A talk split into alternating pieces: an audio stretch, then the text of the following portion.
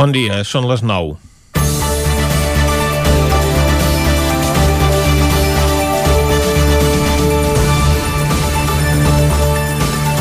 L'Audiència Provincial de Madrid ha condemnat a 4 anys i mig de presó a Dani Gallardo, el jove detingut a la capital espanyola en les protestes contra la sentència del procés l'octubre de l'any passat. Gallardo, que ja s'ha passat un any en presó preventiva, va ser considerat un cap de turc per evitar que les protestes contra la contundent sentència del Tribunal Suprem als presos polítics s'estenguessin més enllà de Catalunya i posessin en perill l'estabilitat de l'Estat. L'ara condemnat sosté que ell era allà quan la protesta ja es dispersava per casualitat però el jutge s'ha cregut el testimoni de la Policia Nacional i l'acusa d'haver agredit per darrere un pal, amb un pal a un agent que va enxampar una seva amiga. La Fiscalia demanava per ell una pena encara més alta. El mateix dia transcendia que durant la festa de la Immaculada de l'any passat en unes instal·lacions militars de Paracuellos del Jarama es va celebrar el Dia de la Patrona d'Infanteria amb una festa en què militars d'uniforme o de paisà cantaven una cançó de la Divisió Azul i feien la salutació feixista. De la mateixa manera que va aflorar el xat d'un grup de militars retirats que volien afusellar 26 milions espanyols. Totes aquestes sortides de to, o directament amenaces, perquè si una cosa tenen els militars és la capacitat de fusellar-nos amb les armes que els hem donat perquè ens protegeixin, no mereixen ni la més mínima presa de decisions pel que es veu. Els militars poden cantar el que vulguin, però no així els artistes que s'hi dediquen, com és el cas del raper Baltònic exiliat a Bèlgica. Ara, un jutjat sevillà li ha obert judici oral per un delicte d'odi contra la Guàrdia Civil. La Fiscalia i l'Associació Unificada de Guàrdies Civils el van denunciar per uns comentaris que va fer al març de 2018 durant un concert a Marinaleda. Qui també ha rebut pels seus comentaris és un dirigent de la Confederació Intersindical Gallega que en una manifestació davant de l'arsenal militar del Ferrol el 2014 va instar a cremar textualment la puta bandera d'Espanya. Ara el Tribunal Constitucional acaba d'aprovar per un sol vot de diferència una sentència que estableix que els ultratges a la bandera no estan emparats per la llibertat d'expressió i per tant constitueix un delicte. Se suposa que totes les altres es poden cremar impunament com ha passat fins ara. Els estaments més retrògrads de l'estat espanyol semblen doncs desbocats a anar fent passos enrere i tot això passa sense que els dos grans partits hagin arribat a un acord per renovar el Consell General del Poder Judicial. A Espanya li està quedant un govern més progressista de la història per lluir-s'hi, tot i que havia promès derogar la llei Mordassa. Mentre ells baden, els altres els van fent la feina. Comencem Territori 17, a la sintonia del 9 FM, Ràdio Cardedeu, la veu de Sant Joan, Ona Codinenca i el 9 TV. Territori 17, amb Vicenç Vigues i Jordi Sunyer.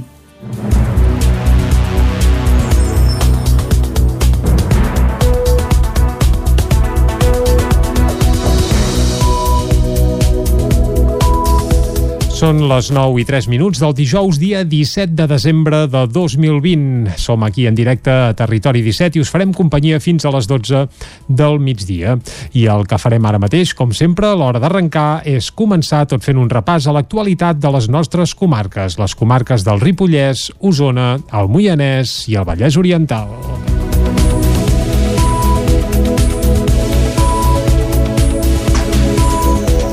Es detecten 25 positius al cribratge massiu de Ripoll amb gairebé 1.700 participants. Isaac Muntades, des de la veu de Sant Joan. La participació en el cribatge massiu de Ripoll d'aquest dimarts i dimecres a la sala Udalgrells ha estat molt elevada i en total hi han participat 1.691 persones. De tota la gent que hi ha participat, només s'han detectat 25 casos positius, una xifra que suposa l'1,4% dels habitants de Ripoll o que treballen a la vila que van participar-hi. Dimarts va haver-hi un pèl més de participació amb un total de 847 persones que es van fer el test antigènic per les 844 de dimecres. El director de l'àrea bàsica de Ripoll, Sant Joan de les Abadeses i Camprodon, Pedro Cabrero, també va recordar la importància de fer l'aïllament correctament. De vegades la gent vol estar desitjant fer un test, però el més important d'un test és per què es fa el test. Perquè si és perquè és un contacte estret, malgrat que el test sigui negatiu, ha d'estar confinat a casa perquè pot estar en un període d'incubació i pot estar transmetent el virus, que és allà on tenim el problema. El problema d'aquí que s'està passant està molt relacionat amb això. Jo ja sé que estem, portem molts mesos, portem portem molts mesos de mesures, de restriccions, això eh, va molt associat a temes econòmics, lamentablement, i això també vull també aprofitar a agrair a serveis socials la col·laboració, un tema que diré, i a més amb un contrasentit, una cosa que s'ha d'explicar molt, és que l'aïllament d'un contacte estret vol dir d'un que no, és, no té símptomes és més llarg que el d'un cas. Per què? Perquè comptem dues vegades el període mitjà d'incubació. Eh, la gent, hem vist que la majoria de gent es desenvolupa símptomes al, al setè dia, però no tothom. Aleshores, per seguretat, el que es fa és dir dos períodes d'incubació. Cabrero va recordar que la quarantena d'un contacte estret dura 10 dies des de la trobada amb la persona positiva. Pel que fa al Ripollès, les notícies no són gens bones, però han millorat lleugerament, ja que ara és la segona comarca amb l'índex de risc de rebrot més alt per darrere de la Cerdanya, amb 1.224 punts, amb una baixada de més de 200 punts. La RT o velocitat de propagació del virus també ha baixat de l'1,79 a l'1,33, tot i que encara és alta. En canvi, han empitjorat els positius setmanals diagnosticats els darrers dies amb PCR i test d'antígens que s'enfilen a 140 i la taxa de casos confirmats per cada 100.000 habitants ja supera els 580, més de 80 punts respecte a la darrera actualització. La situació tampoc millora massa a l'Hospital de Camp de Bànol, tot i que el gerent del centre hospitalari, Joan Graner, va explicar que el brot intrahospitalari està acabat, perquè la gran majoria dels pacients hospitalitzats actualment són malalts que ingressen per urgències. Ara mateix hi ha un total de 29 pacients ingressats, un parell menys que dimarts i que estan dividits en 17 aguts i 12 a sociosanitari. Des de l'inici de la crisi ja han diagnosticat 472 anàlisis positives en Covid-19 i s'ha donat d'alta a 142 pacients. L'única bona notícia és que els professionals sanitaris positius han caigut de 29 a 23, un 10% de la plantilla. Pel que fa a l'índex de risc de rebrot per municipis, cal aturar-se en dues poblacions en concret que tenen unes xifres molt altes. En primer lloc hi ha el cas de Sant Joan de les Abadeses, que té l'índex de risc de rebrot pels núvols amb gairebé 4.300 punts, amb 48 casos positius detectats en la darrera setmana i 60 els últims 14 dies, i una RT de 2,39. A Ripoll la situació també és preocupant amb números absoluts, amb 122 positius en les darreres dues setmanes, 64 dels quals en la darrera i un índex de risc de rebrot de 1.309. Per sort, la RT és d'1,16, tot i que encara és alta. En l'última setmana s'han reduït el nombre d'ingressats als hospitals d'Osona, tot i que s'han registrat 8 noves defuncions per coronavirus. Segons les dades facilitades pel Consorci Hospitalari de Vic, a hores d'ara hi ha un total de 45 persones hospitalitzades, 8 menys que ara fa 7 dies, malgrat haver-se registrat 26 nous ingressos. A l'Hospital Universitari consten 30 pacients hospitalitzats amb coronavirus, dels quals 12 estan a les unitats de cures intensives. A l'Hospital Universitari de la Santa Creu n'hi ha 15 amb resultat positiu positiu i l'Hospital Sant Jaume de Manlleu està lliure de pacients amb la malaltia. Segons les dades del Departament de Salut, després de registrar-se 294 casos en els últims 7 dies, el nombre total d'infectats a la comarca és de 10.447, dels quals se n'han detectat 10.021 amb proves PCR. El total de defuncions relacionades amb la pandèmia a la comarca arriba a les 495. El curs escolar després de les vacances de Nadal es reprendrà el dilluns 11 de gener. El darrer dia lectiu serà el proper dilluns 21 de desembre i el calendari escolar anunciat preveia que la represa fos el divendres 8 de gener. Finalment, però, els alumnes estaran 3 dies més a casa aquell divendres i al cap de setmana del 9 i 10 de gener i tornaran a l'escola el dilluns dia 11. Segons ha explicat Comissions Obreres, Educació, els ha comunicat que el dia 8 comptarà com a festiu i que es publicarà un decret llei, ja que el Departament de Salut recomana més dies de distància entre les festes familiars i la tornada a l'escola. El Departament de Salut treballa en un nou mètode de càlcul dels indicadors que situaria l'RT entre 1,45 i 1,50. Així mateix ho va explicar aquest dimecres el secretari de Salut Pública Josep Maria Argimon a Catalunya Ràdio, on va detallar que el mètode es basa en els tests d'antígens i no en les PCR i dona una foto més actualitzada. Això situaria els casos de la darrera setmana en 12.000. Davant d'aquesta situació va dir que clarament s'haurà de reduir la mobilitat i la interacció social, ja que el virus està en fase d'expansió. És en aquest mateix sentit eh, en què es va mostrar partidari d'endurir el Pla de Nadal. Argimon també va dir que l'inici de la tercera una de Catalunya és imminent, afegint que la corba tindria la mateixa durada que les anteriors, entre 3 i 4 setmanes de pujada i les mateixes de baixada, però amb un pic menys alt que la segona. La Roca Village col·labora amb el projecte Jo amb Corono dels doctors Bonaventura Clotet i Oriol Mitjà el primer dia de reobertura dels centres comercials. David Auladell, de Ràdio Televisió, Cardedeu. El doctor Bonaventura Clotet, referent mundial en la investigació i cap de servei de malalties infeccioses de l'Hospital Germans Tries i Pujol de Badalona, va estar aquest dilluns juntament amb el seu fill Marc Clotet a la Roca Village per participar en un acte de la iniciativa Jo em Corono, que ell lidera i que busca aconseguir inversions per trobar vacunes i tractaments contra el coronavirus. Clotet ha insistit en la importància de continuar invertint fons per lluitar contra amenaces com és la del coronavirus, perquè, segons ha avisat, són amenaces cícliques. Clotet va aprofitar per demanar a les autoritats que canviïn la mentalitat i que es destinin més diners a la recerca en salut humana, ambiental i animal, en globalització i en escalfament, si no volem tornar a tenir una situació semblant d'aquí uns anys. L'expert va destacar la importància de totes les donacions pel projecte.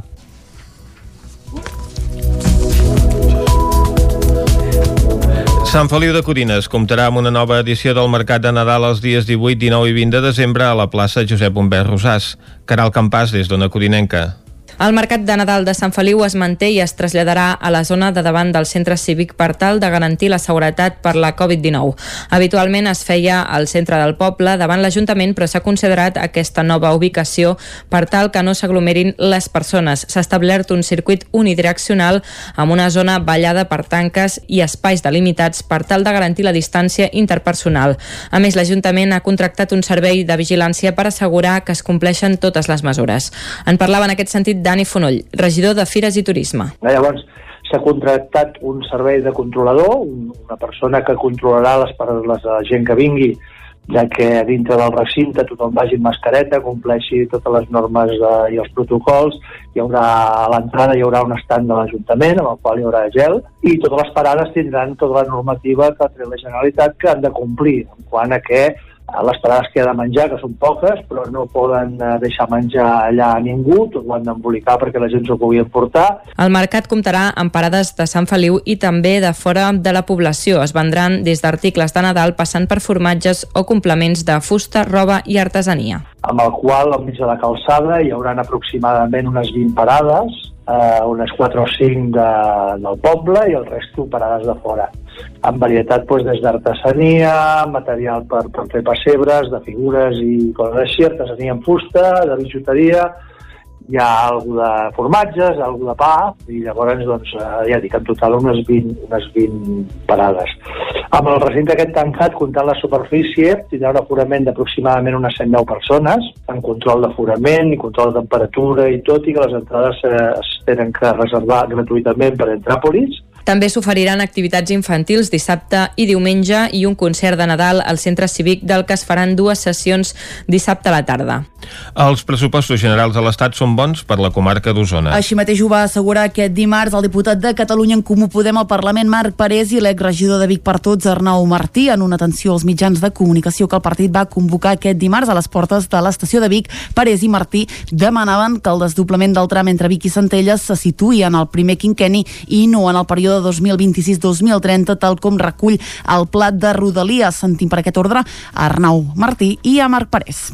Nosaltres el que estem reivindicant és que el que situa el pla de Rodalies com a una inversió en el segon quinqueni, que és el desdoblament de tram eh, entre Vic i Centelles, situar-lo en primer quinqueni, amb un compromís clar de que nosaltres batallarem eh, també en un context nou de pressupostos expansius, però també de fons de recuperació europeus, que han de servir precisament per accelerar aquestes obres. Perquè no sigui només la regió metropolitana qui es benefici d'aquest desdoblament, sinó que també la comarca d'Osona i la mobilitat interna a la nostra, a la nostra comarca, no? entre Centelles, Vic, Torelló, Manlleu, doncs pugui estar garantida gràcies a aquest desdoblament de la, de la, de la R3. Apunten que després de 10 anys de desinversió i retallades, ara la comarca d'Osona es pot veure beneficiada d'uns pressupostos que asseguren a Catalunya se centraran en el transport públic molt específicament en Rodalies. Això els fa ser optimistes pel desdoblament de la línia R3, un projecte llargament reivindicat que creuen ha de ser prioritari.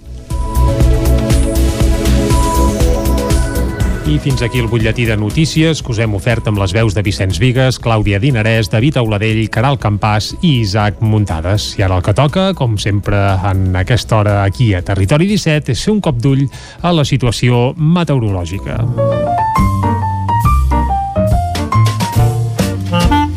Casa Terradellos us ofereix el temps. I per parlar del temps, saludem en Pep Acosta, el nostre meteoròleg de capçalera. Pep, molt bon dia. Hola, molt bon dia. I bona hora. Bon dijous. Gràcies, igualment. Ja estem aquí. Mm -hmm. La informació meteorològica a punt. Doncs va. I avui una petita novetat. Ah, aviam. Bueno, vaig a pams, vaig anem, a pams. Anem a pams. Primer de tot, eh, una nit novament eh, no molt freda, mm -hmm. eh, una mica per sobre per les temperatures del que és habitual per l'època de l'any.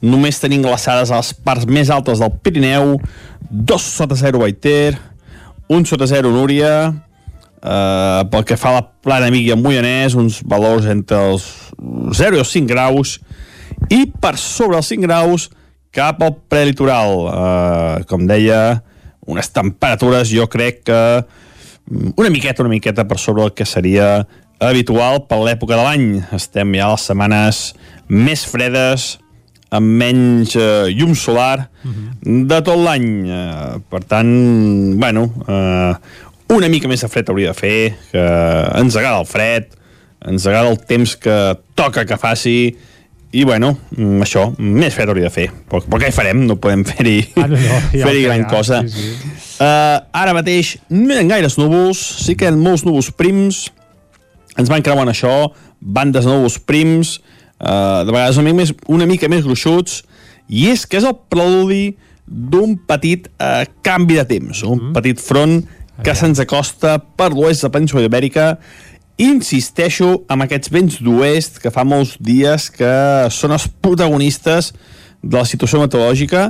Vam tenir eh, dies de vent de nord i va anar girant a l'oest i aquest vent d'oest és el protagonista d'aquests últims dies de la informació meteorològica uh, vents d'oest que com deia són bastant més càlids que no pas els, els de nord, els vents de ponent. Acostuma a ser, uh, sobretot uh, el seu efecte càlid és cap al prelitoral i cap al litoral. Aquí és on més més uh, fa que pugin les temperatures. Doncs això, predomina aquests vents d'oest i per tant ens portarà un petit front. Um, és un front gran però a mesura que es va costant es va desgastant uh, vull dir, la seva incidència serà bastant escassa uh mhm. -huh. però de cara a migdia tarda la situació s'anirà nuvolant cada cop més núvols uh, si ja són prims de tarda s'anirà fent més espessos i uh, pot ser, pot ser que de cara a la nit ja caigui alguna gota. Um, poc important.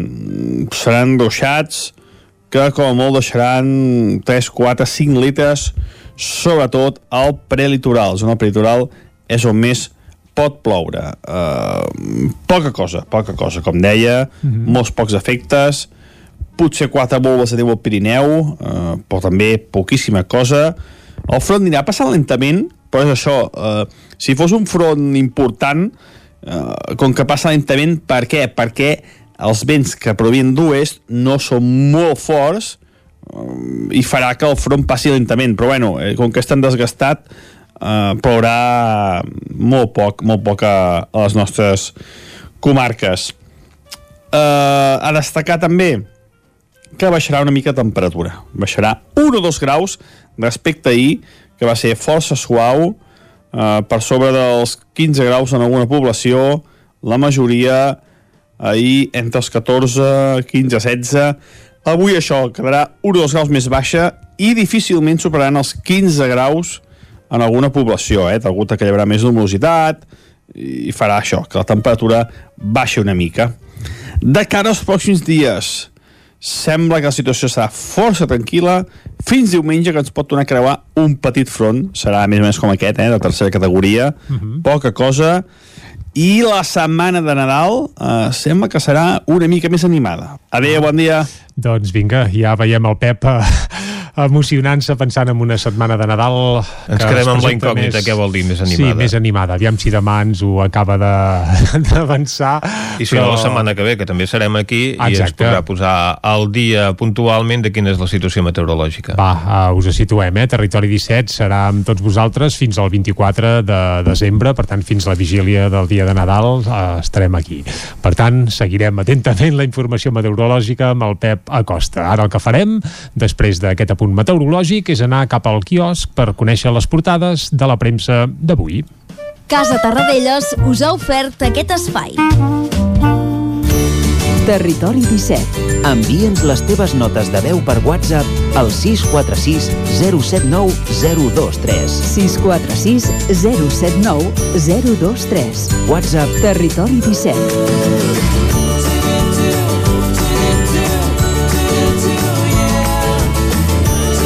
Territori 17. Som a Facebook, Twitter i Instagram amb l'usuari Territori 17.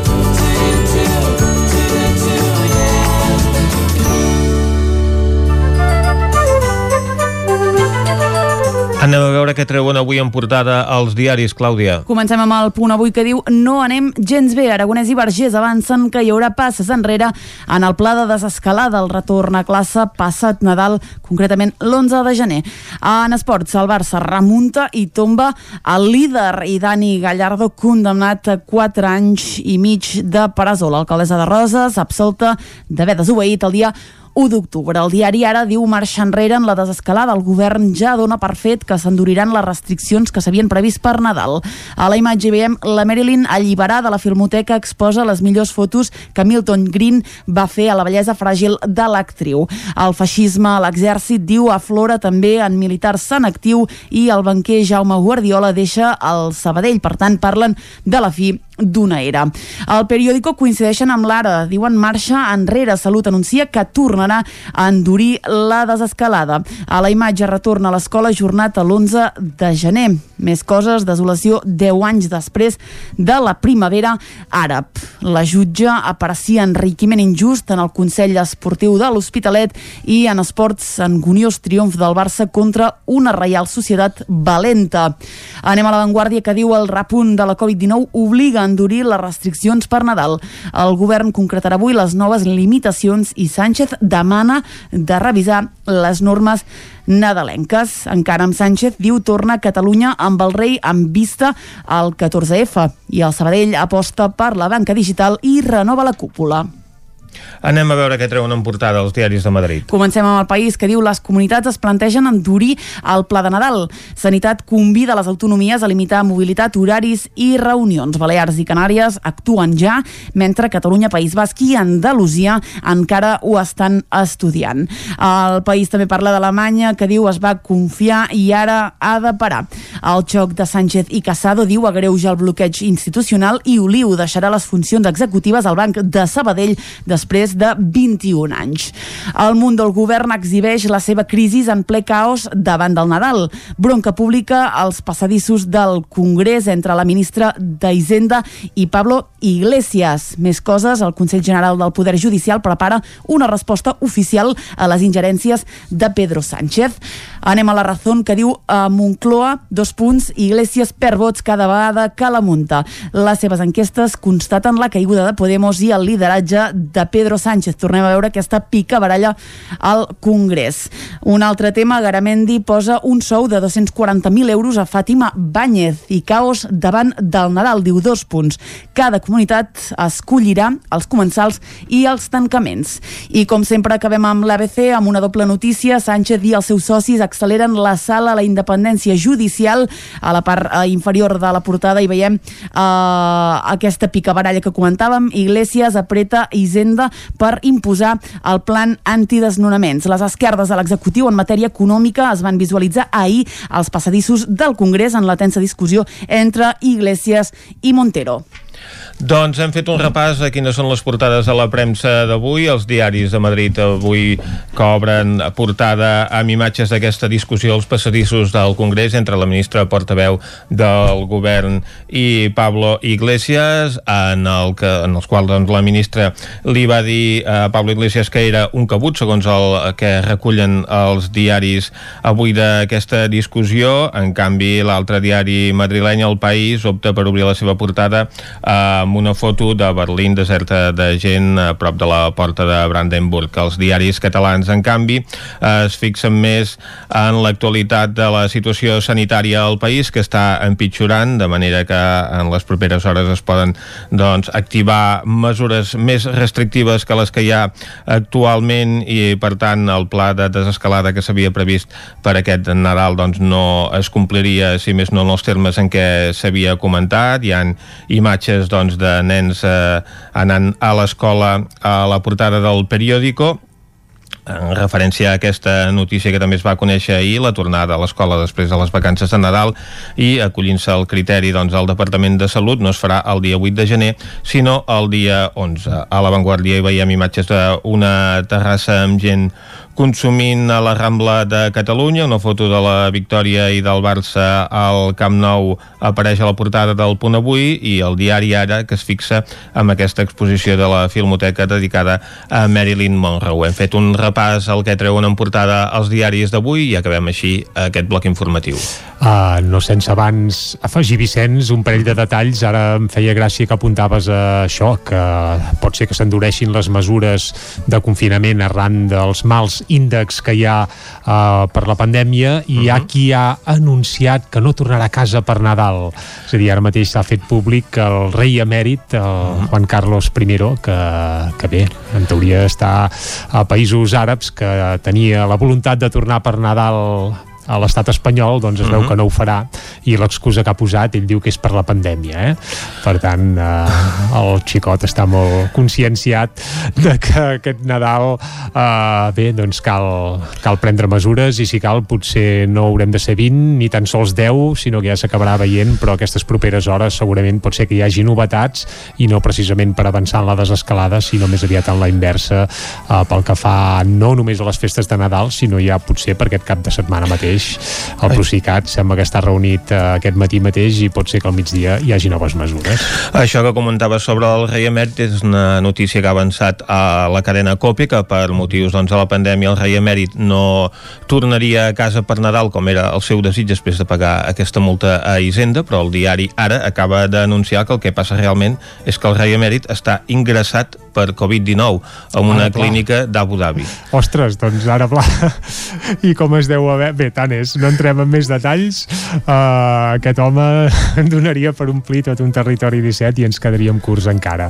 El que toca ara és fer una breu pausa aquí a Territori 17, anirem a publicitat i tornarem a dos quarts de 10 en punt, acostant-vos de nou tota l'actualitat de les nostres comarques i evidentment us farem companyia, com sempre, fins a les 12 del migdia. Per tant, això, ara fem una breu pausa i tornem a dos quarts en punt acostant-vos de nou tota l'actualitat de les nostres comarques. Fins ara.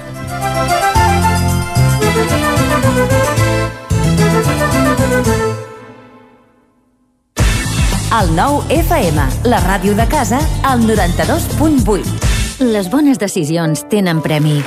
I és que si té una caldera Vaillant, està d'enhorabona. Vaillant li ofereix fins a 15 anys de cobertura total, amb la revisió obligatòria inclosa. Informis a Oficiat Nord trucant al 93 886 0040. Amb el servei tècnic oficial de Vaillant, la seva caldera estarà en les millors mans.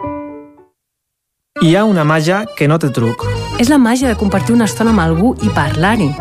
Vols practicar català? Vols ajudar algú a parlar-lo?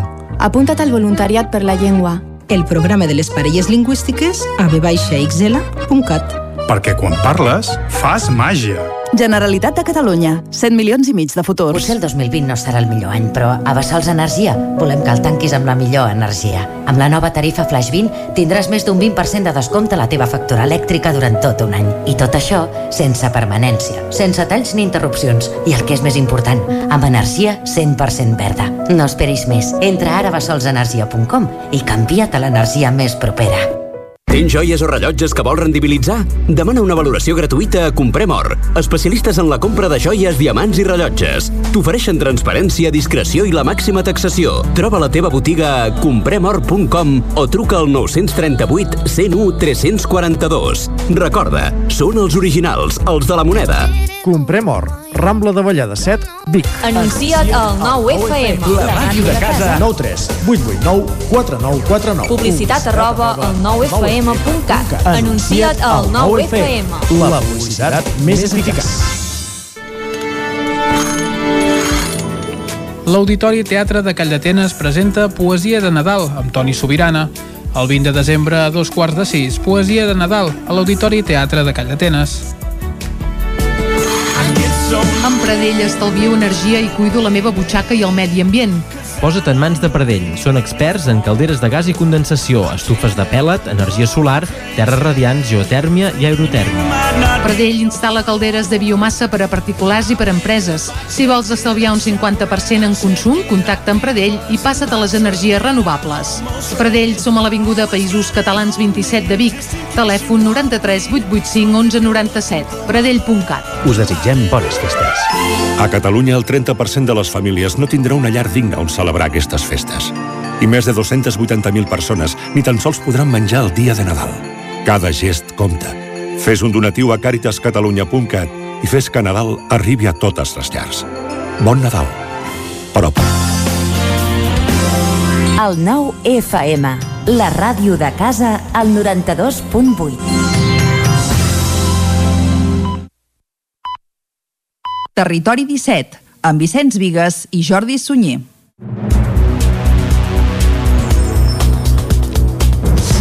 Dos quarts de deu en punt d'avui dijous, dia 17 de desembre de 2020. Seguim aquí en directe a Territori 17 i us farem companyia, com bé sabeu, fins a les 12 del migdia. I avui, com que som dijous, després d'acostar-vos de nou tot a l'actualitat de les nostres comarques, tindrem les seccions habituals dels dijous.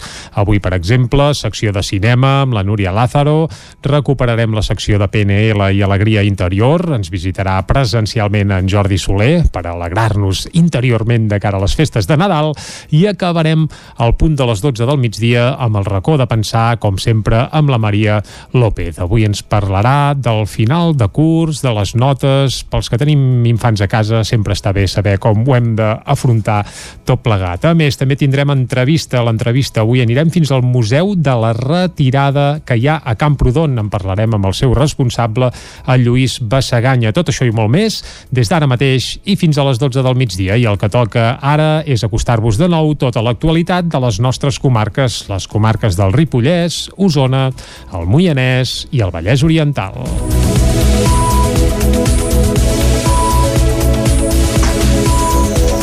Es detecten 25 positius al cribratge massiu de Ripoll amb gairebé 1.700 participants. Isaac Muntades, des de la veu de Sant Joan.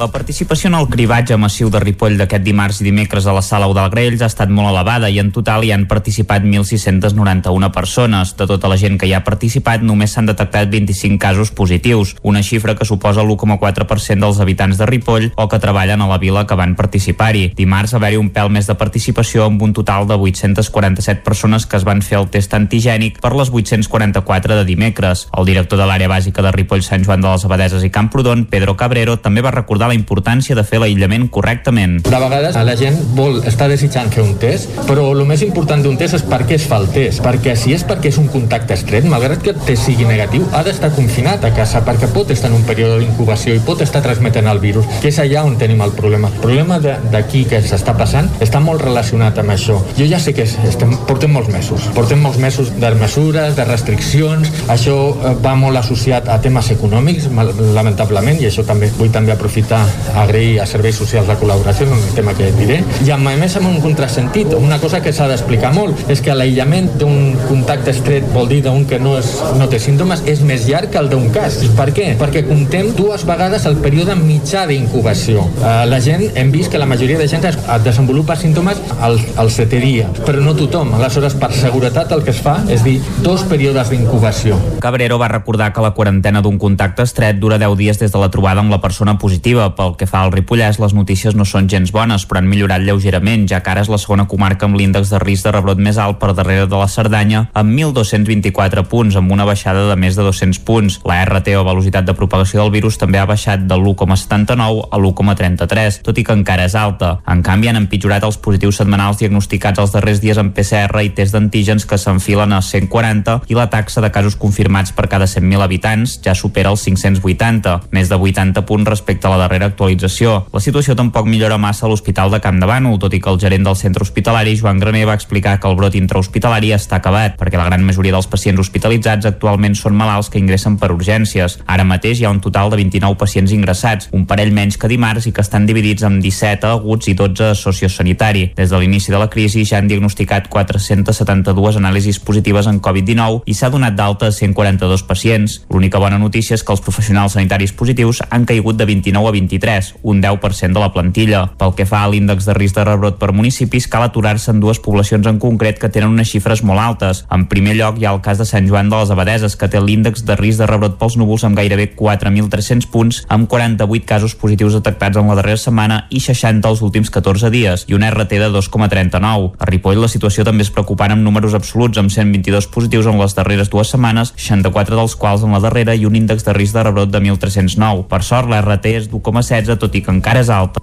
En l'última setmana s'han reduït el nombre d'ingressats als hospitals d'Osona, tot i que s'han registrat 8 noves defuncions per coronavirus. Segons les dades facilitades pel Consorci Hospitalari de Vic, a hores d'ara hi ha un total de 45 persones hospitalitzades, 8 menys que ara fa 7 dies, malgrat haver-se registrat 26 nous ingressos.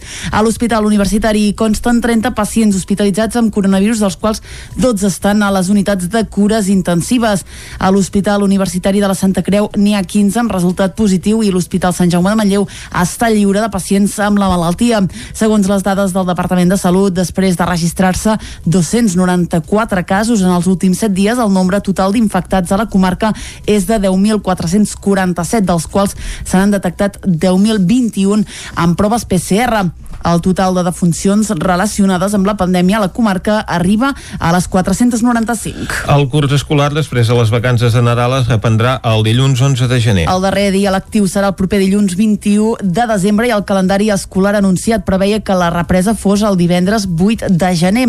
Finalment, però, els alumnes estaran 3 dies més a casa aquell divendres i al cap de setmana del 9 i 10 de gener i tornaran a l'escola el dilluns dia 11.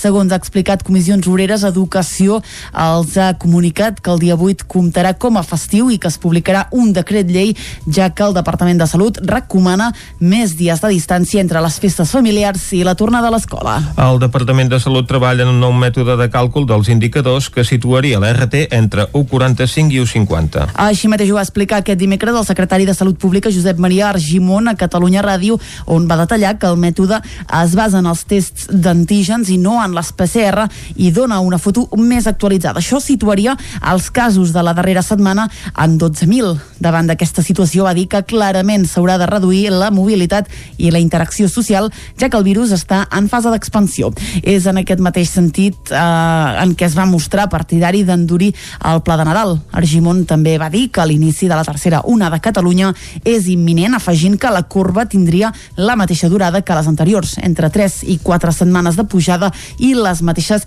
de baixada, però amb un pic menys alt que la segona. La Roca Village col·labora amb el projecte Jo amb Corono dels doctors Bonaventura Clotet i Oriol Mitjà, el primer dia de reobertura dels centres comercials. David Auladell, de Ràdio Televisió, Cardedeu. El doctor Bonaventura Clotet, referent mundial en la investigació i cap de servei de malalties infeccioses de l'Hospital Germans Tries i Pujol de Badalona, va estar aquest dilluns juntament amb el seu fill Marc Clotet a la Roca Village per participar en un acte de la iniciativa Jo em corono, que ell lidera i que busca aconseguir inversions per trobar vacunes i tractaments contra el coronavirus.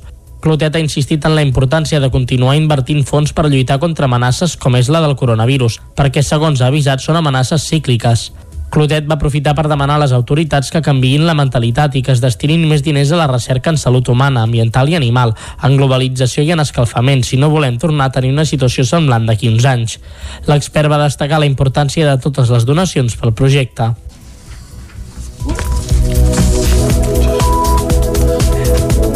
Sant Feliu de Codines comptarà amb una nova edició del Mercat de Nadal els dies 18, 19 i 20 de desembre a la plaça Josep Humbert Rosàs. Caral Campàs, des d'Ona Codinenca. El Mercat de Nadal de Sant Feliu es manté i es traslladarà a la zona de davant del centre cívic per tal de garantir la seguretat per la Covid-19.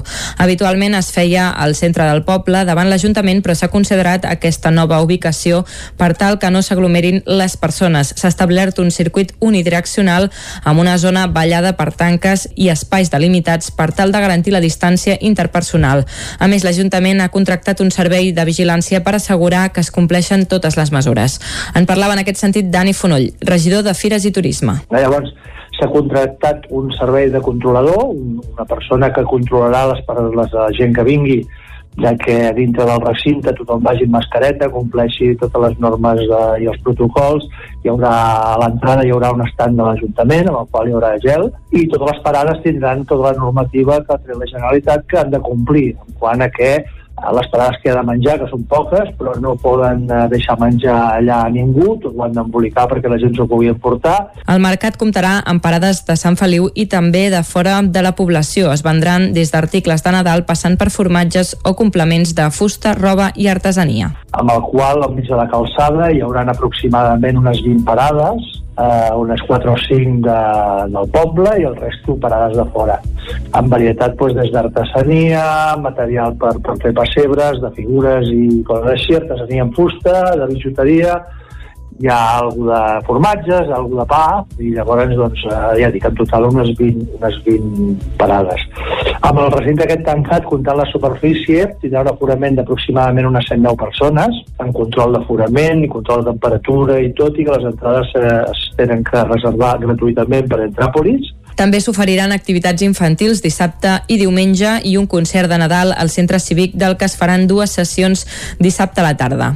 Els pressupostos generals de l'Estat són bons per la comarca d'Osona. Així mateix ho va assegurar aquest dimarts el diputat de Catalunya en Comú Podem al Parlament Marc Parés i l'exregidor de Vic per Tots Arnau Martí en una atenció als mitjans de comunicació que el partit va convocar aquest dimarts a les portes de l'estació de Vic. Parés i Martí demanaven que el desdoblament del tram entre Vic i Centelles se situï en el primer quinqueni i no en el període període 2026-2030, tal com recull el plat de Rodalies. Sentim per aquest ordre a Arnau Martí i a Marc Parés.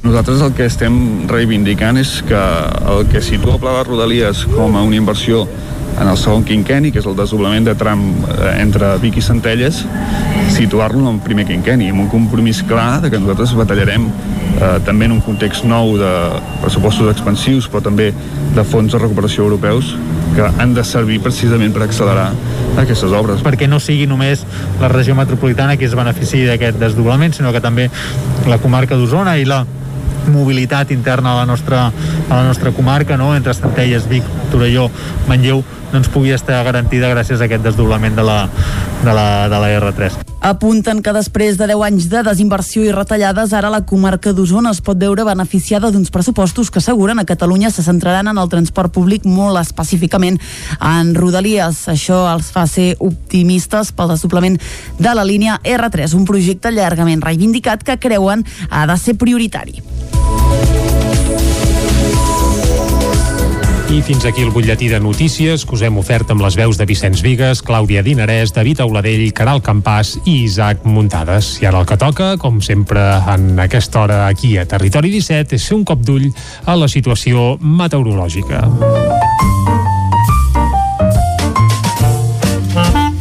Casa Terradellos us ofereix el temps. I per parlar del temps, saludem en Pep Acosta, el nostre meteoròleg de capçalera. Pep, molt bon dia. Hola, molt bon dia. I bona hora.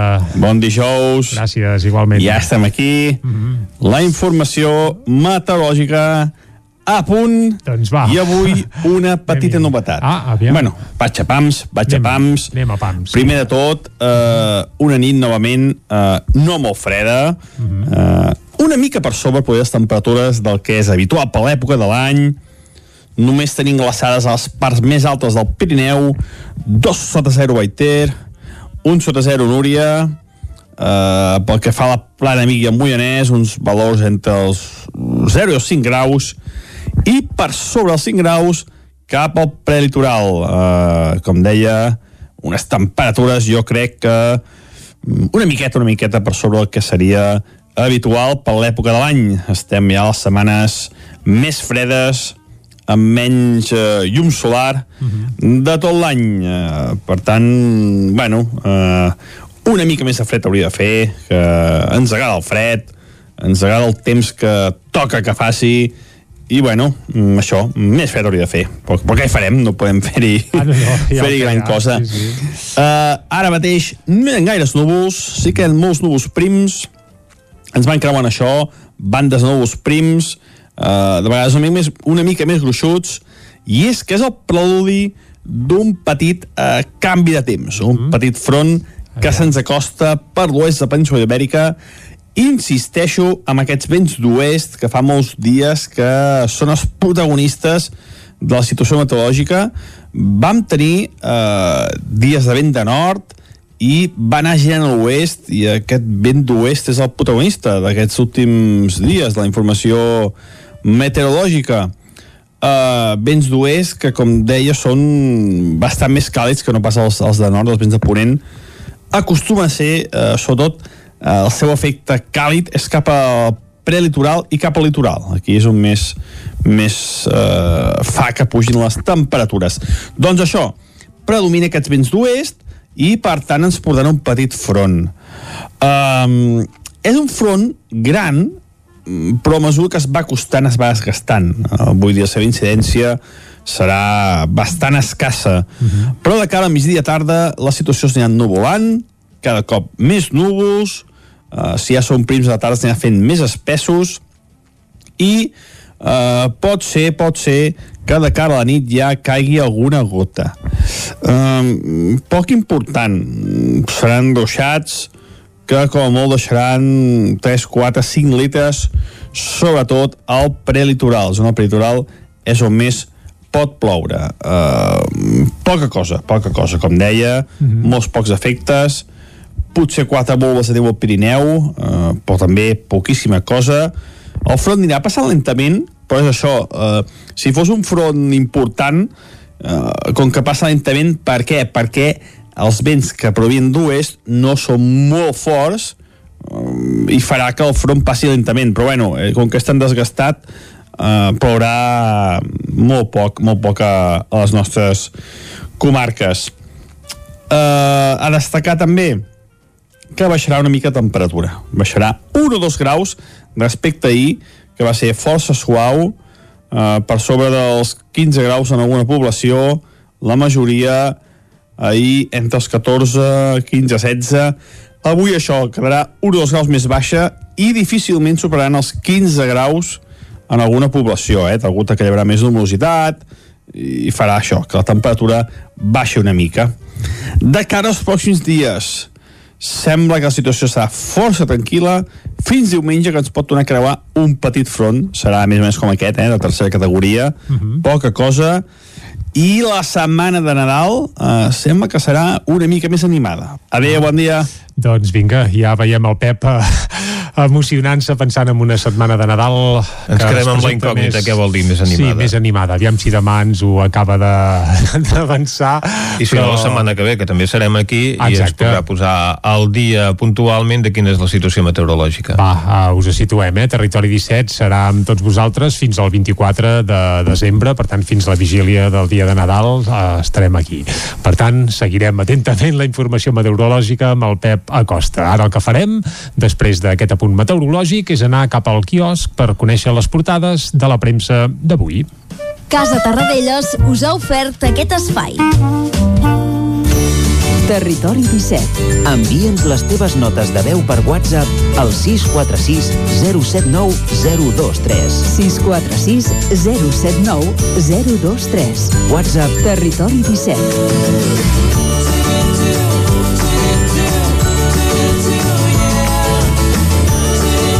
Territori 17.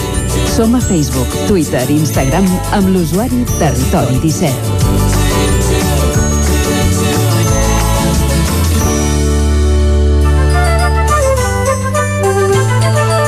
Anem a veure què treuen avui en portada als diaris, Clàudia. Comencem amb el punt avui que diu no anem gens bé. Aragonès i Vergés avancen que hi haurà passes enrere en el pla de desescalada. El retorn a classe passat Nadal, concretament l'11 de gener. En esports, el Barça remunta i tomba el líder i Dani Gallardo condemnat a 4 anys i mig de presó. L'alcaldessa de Roses absolta d'haver desobeït el dia 1 d'octubre. El diari ara diu marxa enrere en la desescalada. El govern ja dona per fet que s'enduriran les restriccions que s'havien previst per Nadal. A la imatge veiem la Marilyn alliberada. La Filmoteca exposa les millors fotos que Milton Green va fer a la bellesa fràgil de l'actriu. El feixisme a l'exèrcit diu aflora també en militars en actiu i el banquer Jaume Guardiola deixa el Sabadell. Per tant, parlen de la fi d'una era. El periòdico coincideixen amb l'ara, diuen marxa enrere. Salut anuncia que tornarà a endurir la desescalada. A la imatge retorna a l'escola jornat a l'11 de gener. Més coses, desolació 10 anys després de la primavera àrab. La jutge aparecia enriquiment injust en el Consell Esportiu de l'Hospitalet i en esports angoniós triomf del Barça contra una Reial Societat valenta. Anem a l'avantguàrdia que diu el repunt de la Covid-19 obliga endurir les restriccions per Nadal. El govern concretarà avui les noves limitacions i Sánchez demana de revisar les normes nadalenques. Encara amb Sánchez diu torna a Catalunya amb el rei amb vista al 14F i el Sabadell aposta per la banca digital i renova la cúpula. Anem a veure què treuen en portada els diaris de Madrid. Comencem amb el país que diu les comunitats es plantegen endurir el pla de Nadal. Sanitat convida les autonomies a limitar mobilitat, horaris i reunions. Balears i Canàries actuen ja, mentre Catalunya, País Basc i Andalusia encara ho estan estudiant. El país també parla d'Alemanya, que diu es va confiar i ara ha de parar. El xoc de Sánchez i Casado diu agreuja el bloqueig institucional i Oliu deixarà les funcions executives al Banc de Sabadell després de 21 anys. El món del govern exhibeix la seva crisi en ple caos davant del Nadal. Bronca pública als passadissos del Congrés entre la ministra d'Hisenda i Pablo Iglesias. Més coses, el Consell General del Poder Judicial prepara una resposta oficial a les ingerències de Pedro Sánchez. Anem a la raó que diu a Moncloa, dos punts, Iglesias per vots cada vegada que la munta. Les seves enquestes constaten la caiguda de Podemos i el lideratge de Pedro Sánchez. Tornem a veure aquesta pica baralla al Congrés. Un altre tema, Garamendi posa un sou de 240.000 euros a Fàtima Báñez i caos davant del Nadal, diu dos punts. Cada comunitat escollirà els comensals i els tancaments. I com sempre acabem amb l'ABC amb una doble notícia. Sánchez i els seus socis acceleren la sala a la independència judicial. A la part eh, inferior de la portada hi veiem eh, aquesta picabaralla que comentàvem. Iglesias apreta Hisenda per imposar el plan antidesnonaments. Les esquerdes de l'executiu en matèria econòmica es van visualitzar ahir als passadissos del Congrés en la tensa discussió entre Iglesias i Montero. Doncs hem fet un repàs a quines són les portades de la premsa d'avui. Els diaris de Madrid avui cobren portada amb imatges d'aquesta discussió als passadissos del Congrés entre la ministra portaveu del govern i Pablo Iglesias, en, el que, en els quals doncs, la ministra li va dir a Pablo Iglesias que era un cabut, segons el que recullen els diaris avui d'aquesta discussió. En canvi, l'altre diari madrileny, El País, opta per obrir la seva portada amb una foto de Berlín deserta de gent a prop de la porta de Brandenburg. Els diaris catalans, en canvi, es fixen més en l'actualitat de la situació sanitària al país, que està empitjorant, de manera que en les properes hores es poden doncs, activar mesures més restrictives que les que hi ha actualment i, per tant, el pla de desescalada que s'havia previst per aquest Nadal doncs, no es compliria, si més no, en els termes en què s'havia comentat. Hi han imatges doncs, de nens eh, anant a l'escola a la portada del periòdico en referència a aquesta notícia que també es va conèixer ahir, la tornada a l'escola després de les vacances de Nadal i acollint-se al criteri doncs, del Departament de Salut no es farà el dia 8 de gener sinó el dia 11. A l'avantguàrdia hi veiem imatges d'una terrassa amb gent consumint a la Rambla de Catalunya, una foto de la Victòria i del Barça al Camp Nou apareix a la portada del Punt Avui i el diari Ara que es fixa amb aquesta exposició de la Filmoteca dedicada a Marilyn Monroe. Hem fet un repàs al que treuen en portada els diaris d'avui i acabem així aquest bloc informatiu. Doncs tanquem Vicenç bloc informatiu uh -huh. uh, i anem pel bloc musical, com fem sempre uh, abans d'arribar al punt de les 10 aquí a Territori 17 molt bé. I suposo, Vicenç, que ja estàs al cas, eh? que últimament anem de Nadales. Oh, i tant, és I avui, avui també. I una de les modes d'aquest any, bé, l'any passat ho va començar a fer algú, eh? però aquest any la cosa s'ha estès, uh, bé, anava a dir no com una epidèmia, uh, sinó com... bé, o sí, però vaja, uh, és evident que és a fi de bé. Va, anem al gra.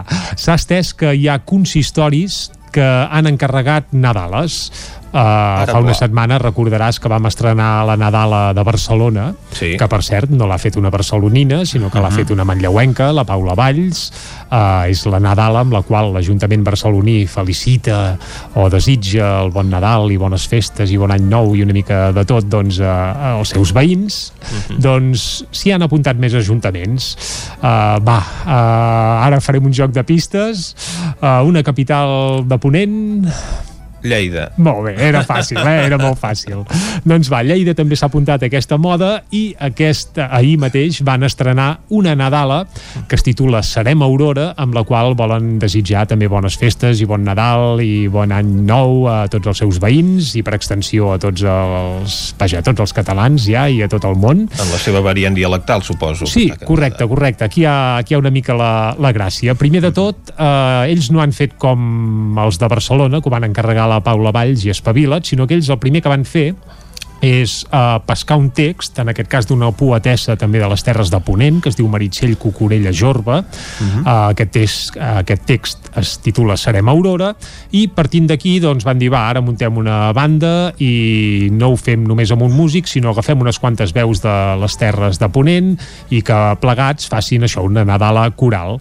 El grup s'ha batejat com a Rabadap, allò rabadà, doncs Va. rabadap. Uh -huh. Per què? Doncs perquè hi ha molt dap de fons, dap seria una mica rigui electrònic i música així, bueno, perquè ens situem, eh? La veritat és que sona, sona molt bé i les veus que hi ha doncs són de multitud de patums de l'escena lleidatana. Per exemple, hi ha el cantant dels Coers, eh, aquesta banda de música festiva eh, liderada per un lleidatà eh, de color, això sí, és ben singular, amb una proposta també molt atractiva. Hi ha eh, aquesta formació, eh? Rabadab, hi ha músics de Wednesday, una formació de pop de les Terres de Ponent, de la qual em sembla que n'hem parlat alguna vegada aquí a Territori 17, a la secció de novetats discogràfiques. Recordo que un dia els vam, els vam portar, una proposta molt interessant també, tot i que no ha tingut gaire ressò més enllà de les comarques de Lleida. Hi ha també gent de Valdívia, una altra formació de les Terres de Ponent, uh, S de la Cinta, que és una espècie de rapero lleidatà doncs, que també apareix en aquesta Nadala, l'Eura Gaia, una veu vinculada al món del folk i les músiques de, de d'arrel, doncs, que també apareix en aquesta Nadala, la Kelly, que és una altra... Bé, eh, pel nom ja podem imaginar que, que ve del món del rap, també, vaja, que multitud d'artistes s'han unit per cantar aquesta Nadala coral que es diu Serem Aurora i que, si us sembla, doncs escoltarem sencera de cap a peus i això, aquí a Territori 17 amb aquesta peça arribarem fins al punt de les 10 i també aprofitem ja per desitjar-vos bon Nadal, bones festes, Exacte. com fan tots els consistoris, per exemple en Nadales com aquesta, que la veritat és que val molt i molt la pena. L'escoltem? Escoltem-la. Doncs va, comença que enganya una mica, eh? perquè se senten unes notes del cant dels ocells, però després la cosa ja se'n va. Uh, pareu-hi bé l'orella, a les 10 tornem amb més informació a Territori 17.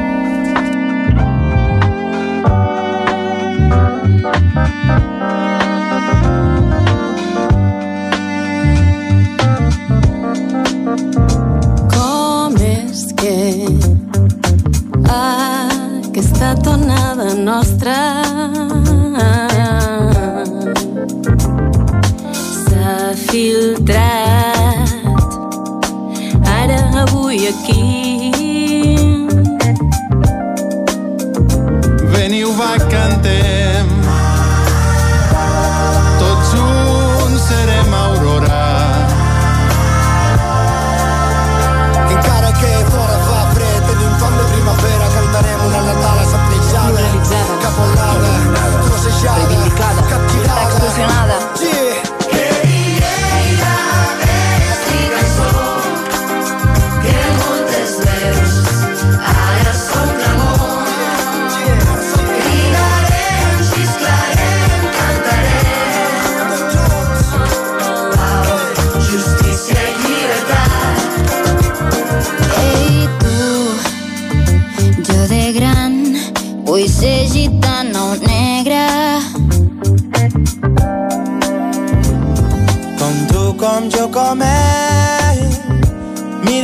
Mira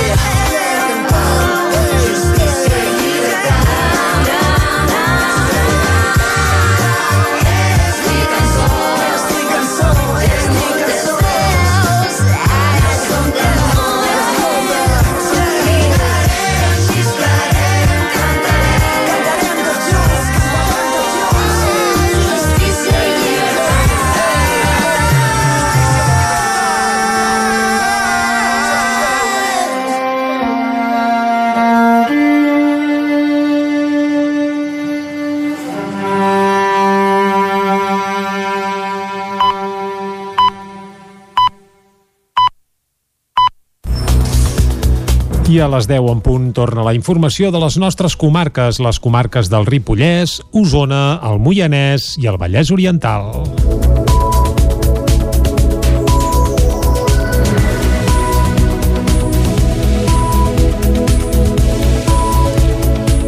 El Departament d'Agricultura, Ramaderia, Pesca i Alimentació inicia una campanya d'informació a ramaders i tècnics amb l'actualització de la guia de tractaments consolidats. Ahir a la tarda la consellera Teresa Jordà va presentar la guia al Mas Bruguer de Vilallaons, a Sant Julià de Vilatorta. La consellera d'Agricultura, Ramaderia, Pesca i Alimentació, Teresa Jordà, presentava ahir a Vilallaons un nou impuls a l'estratègia integral de gestió de les dejeccions ramaderes. Ho feia amb la presentació de la guia de les tecnologies de tractament de les dejeccions ramaderes, un document que actualitza la versió de l'any 2004.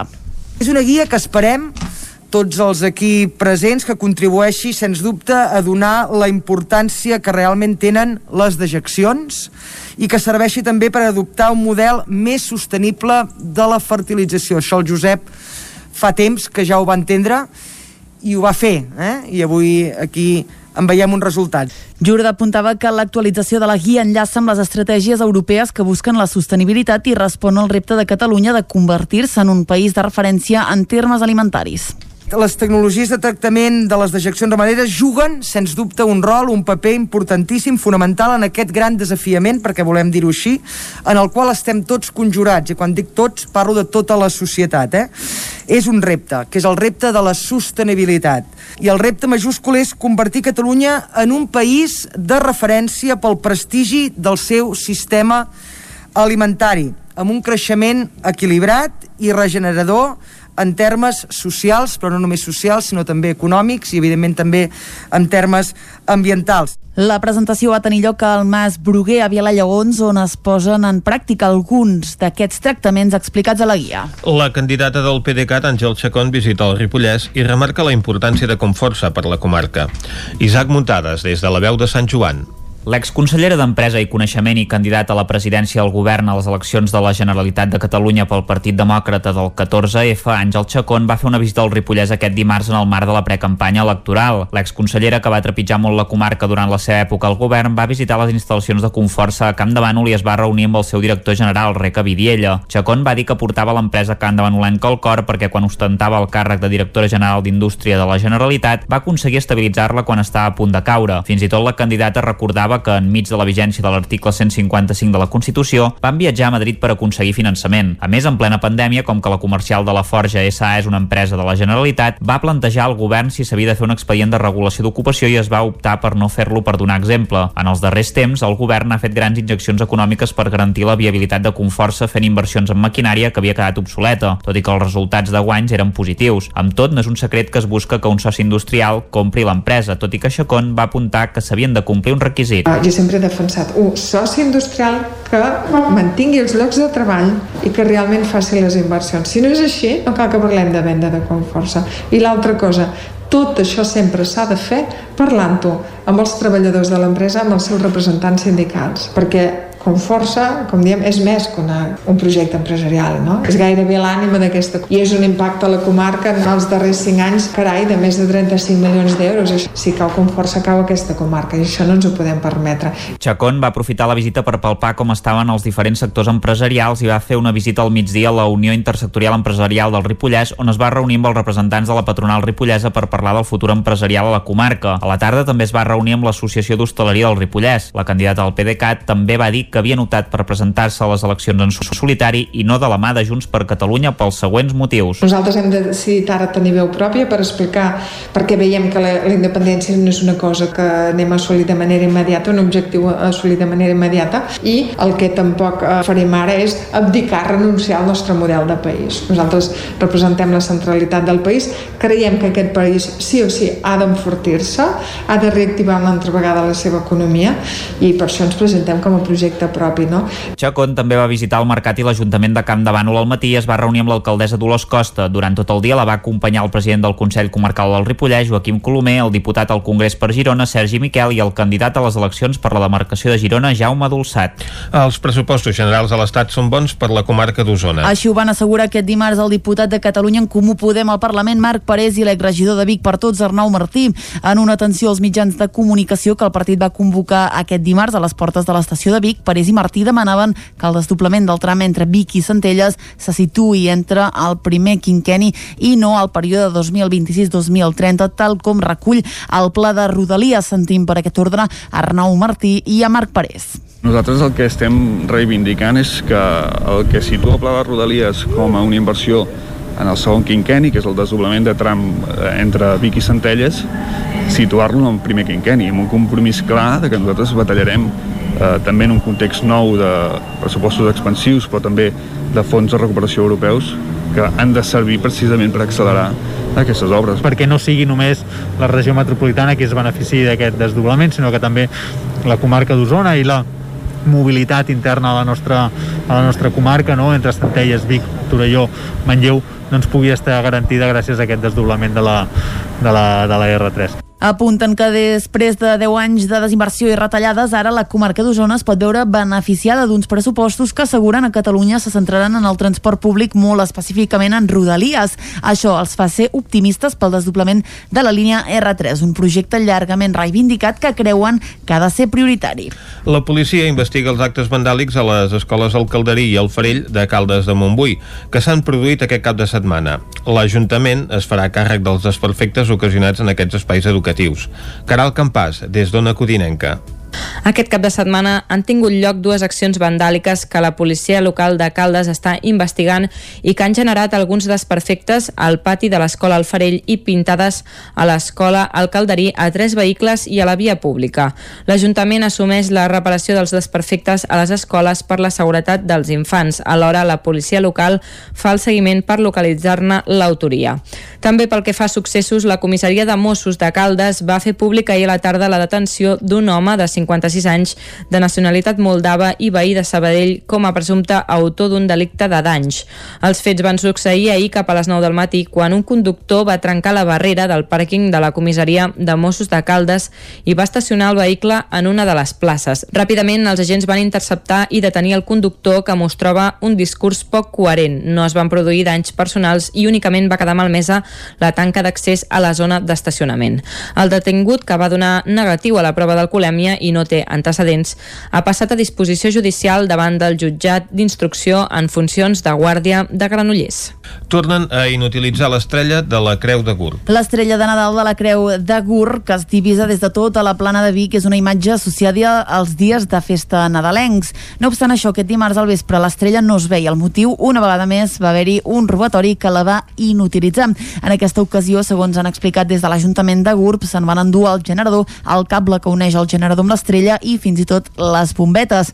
A les xarxes, l'alcalde Josep Casasses es mostrava indignat amb aquesta situació que diu es repeteix cada any. Va recordar que com l'any passat ja va haver-hi una gratolada aquest Nadal es van plantejar fins i tot no instal·lar-la, però les circumstàncies actuals de la pandèmia van creure que calia preservar iniciatives com les de la Creu que s'identifiquen amb les festes de Nadal i que són un element identificable des de tota la plana de Vic. L'Ajuntament de Granollers i Sorli signen un acord per la defensa de la igualtat a les empreses. David Auladell, de Ràdio Televisió, Cardedeu. La violència masclista és a tot arreu, també dins de les empreses. Per això, d'un temps cap aquí, algunes firmes amb seu al Vallès Oriental han elaborat plans d'igualtat i protocols per reaccionar davant d'assetjaments i altres violències masclistes. La setmana passada, a través d'una reunió virtual, l'Ajuntament de Granollers i la Fundació Sorli van signar un conveni per defensar la igualtat de gènere dins de les empreses. Josep Mayoral, alcalde de Granollers. La primera qüestió és que hem de contribuir a identificar a tot aquest conjunt de, de dones que, que pateixen el nostre entorn, que probablement viuen a poques passes de casa nostra o que treballen ben a la vora on estem. L'empresa Sorli, amb gairebé 2.000 empleats i 124 centres de treball, va iniciar el 2016 el seu camí cap a la igualtat de gènere entre els seus treballadors i treballadores. Va ser arran de la mort d'una empleada per culpa de la violència masclista. Sensibilitzar a través de la formació amb visió d'igualtat, oportunitats a, als homes, a les dones, i sempre des de, des de les empreses, no? des, de, des de fer xarxa i buscant la manera de tindre els espais lliures de, de violència. El conveni entre l'Ajuntament i la Fundació ha de servir per ampliar els protocols a d'altres empreses de la comarca. Les 10 i 10 i fins aquí les notícies del butlletí informatiu que us hem ofert amb les veus de Vicenç Vigues, Clàudia Dinarès, David Auladell, Caral Campàs i Isaac Muntades. I ara, abans d'anar cap a l'entrevista, el que toca és fer una ullada al temps.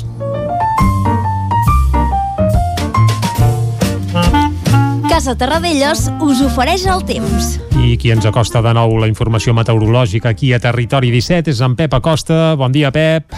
Hola. Bon Molt bon dia. Bona hora. Ara mateix no hi ha gaires núvols, sí que hi ha molts núvols prims, i és que és el preludi d'un petit eh, canvi de temps, un petit front que se'ns acosta per l'oest de la península Ibèrica insisteixo amb aquests vents d'oest que fa molts dies que són els protagonistes de la situació meteorològica. És un front gran, però a mesura que es va costant es va desgastant. Avui dia la seva incidència serà bastant escassa.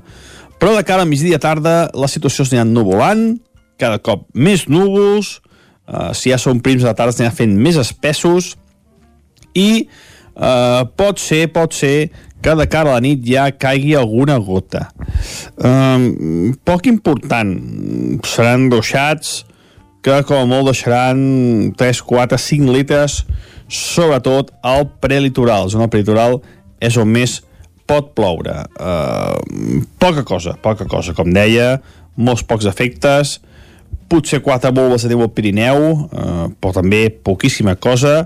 El front anirà passant lentament, però és això, uh, si fos un front important, uh, com que passa lentament, per què? Perquè els vents que provien d'oest no són molt forts i farà que el front passi lentament, però bueno, com que és tan desgastat, eh, plourà molt poc, molt poc a, a les nostres comarques. Eh, a destacar també que baixarà una mica temperatura. Baixarà 1 o 2 graus respecte a ahir, que va ser força suau, eh, per sobre dels 15 graus en alguna població, la majoria ahir entre els 14, 15, 16. Avui això quedarà 1 o 2 graus més baixa i difícilment superaran els 15 graus en alguna població, eh? Degut a que hi haurà més lumositat i farà això, que la temperatura baixa una mica. De cara als pròxims dies, sembla que la situació serà força tranquil·la fins diumenge que ens pot tornar a creuar un petit front, serà més o menys com aquest, eh? de tercera categoria, poca cosa, i la setmana de Nadal eh, sembla que serà una mica més animada. Adéu, bon dia. Vinga, bon dia, Pep, i estarem al cas de la setmana de Nadal, eh? però encara, encara queden dies. Ara una breu pausa i anem cap a l'entrevista. Casa Tarradellas us ha ofert aquest espai. Territori 17. Envia'ns les teves notes de veu per WhatsApp al 646 079 023. 646 079 023. WhatsApp Territori 17.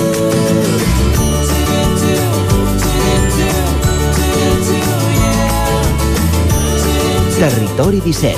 Som a Facebook, Twitter i Instagram amb l'usuari Territori 17.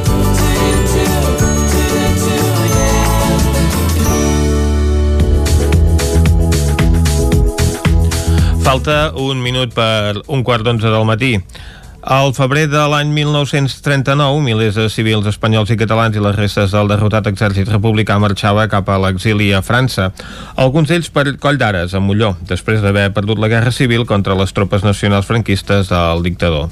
En aquell èxode, moltes persones van perdre la vida i també van deixar molts objectes personals de gran valor sentimental pel camí, però també coses més mundanes. Anem a parlar d'aquesta temàtica i ho fem des de la veu de Sant Joan. Allà hi tenim el nostre company Isaac Muntades. Bon dia. Bon dia, Vicenç. Doncs sí, avui tenim al telèfon el camprodoní Lluís Bassaganya del Museu de la Retirada de Camprodon, amb qui, a banda doncs, de parlar de la tasca d'aquest espai museístic, també ho farem d'un document que van trobar fa poc per la zona de la retirada dels republicans i amb ell doncs, eh, explicarem una mica eh, quin document van trobar i, a més a més, quina tasca fa doncs, a aquest museu. Bon dia, Lluís, i moltes gràcies per atendre'ns. Hola, bon dia. Moltes gràcies a vosaltres. Per començar, Lluís, no sé què és exactament el que vareu trobar i on vareu fer aquesta troballa. Bueno, eh, aquí a la vall de Camprodon, doncs, evidentment, va passar molta gent, eh, es van fer servir molts camins d'aquests de retirada i nosaltres els caps de setmana doncs, una mica anem resseguint tots aquests passos que, que es varen utilitzar eh, a veure què és, quin, què és el que podem trobar i quines restes en queden, no? I concretament doncs, eh, aquest cap de setmana vàrem fer servir, vàrem anar, diguéssim, al, al camí de la retirada que, que es havia fet servir des d'Oix, cap, bueno, d'Olot cap a Oix, d'Oix a Veget, i de Veget pujaven cap a dalt a, al coll de Malrem. I en un racó d'aquest camí, doncs, el que vam trobar, que, clar, que, que ens va sorprendre molt, és la funda d'una pistola on a dins hi havia una carta es, bueno, escrita, i, i vam veure un paper enrotllat, no? Clar, crida molt l'atenció doncs, de trobar una cosa d'aquestes característiques 80 anys després. Vull dir, el que hi pot haver tampoc ho sabem. Uh, tant aquest escrit que heu trobat no, com la funda de la pistola després de tants anys doncs estaven en molt mal estat, lògicament Sí, home, esclar, aviam, tu aquí pots trobar restes de, de, de, dels soldats que havien llançat, com són els plats, els coberts, eh, les llaunes de menjar, baionetes, uh -huh. totes aquestes coses metàl·liques, evidentment, doncs, eh, tot i que hagin passat 80 anys, encara es conserven, però, però esclar, el que és eh, la resta d'una funda de pistola, que és de cuir, i, i on a dins hi havia un paper, doncs, eh, esclar, estava, estava en un estat molt fràgil i, eh, clar, això va ser una mica el que ens va cridar, com et deia, la curiositat, perquè tu pots trobar els ferros, però, però coses de, de, diguéssim, de pell o de paper és pràcticament impossible trobar-les ja aquestes. Com que això, Lluís, és una cosa bastant uh, curiosa, el, el que veu trobar, veu decidir també enviar aquesta troballa al Centre de Restauració de Béns Mobles de Catalunya, a Vall d'Oreig, per mirar, evidentment, com que està en molt mal estat, a veure si es pot recuperar. No sé com ho faran allà per, per intentar doncs, la recuperació d'aquest uh, document. Mira, esclar, nosaltres la, al, al, al moment de trobar això, el que vam dir, ostres, no ho vam tocar, vull dir, tal com ho vam trobar, ho vam guardar, perquè vam pensar, ostres, això, al moment que toquis aquest paper se't desfarà tots els dits. I llavors, bueno, ens vam posar en contacte amb el Centre de Restauració de Béns Mobles de la Generalitat i, i a partir d'aquí els hi vam dir que havíem fet aquesta troballa i que interessava veure si podia haver-hi alguna cosa doncs, que encara poguéssim extreure alguna del que hi havia allà dins Uh, el, el, la manera en què ells fan aquest tipus de restauració, evidentment, és una cosa ja d'experts. A mi se m'escapa una mica, sí que m'han explicat, no?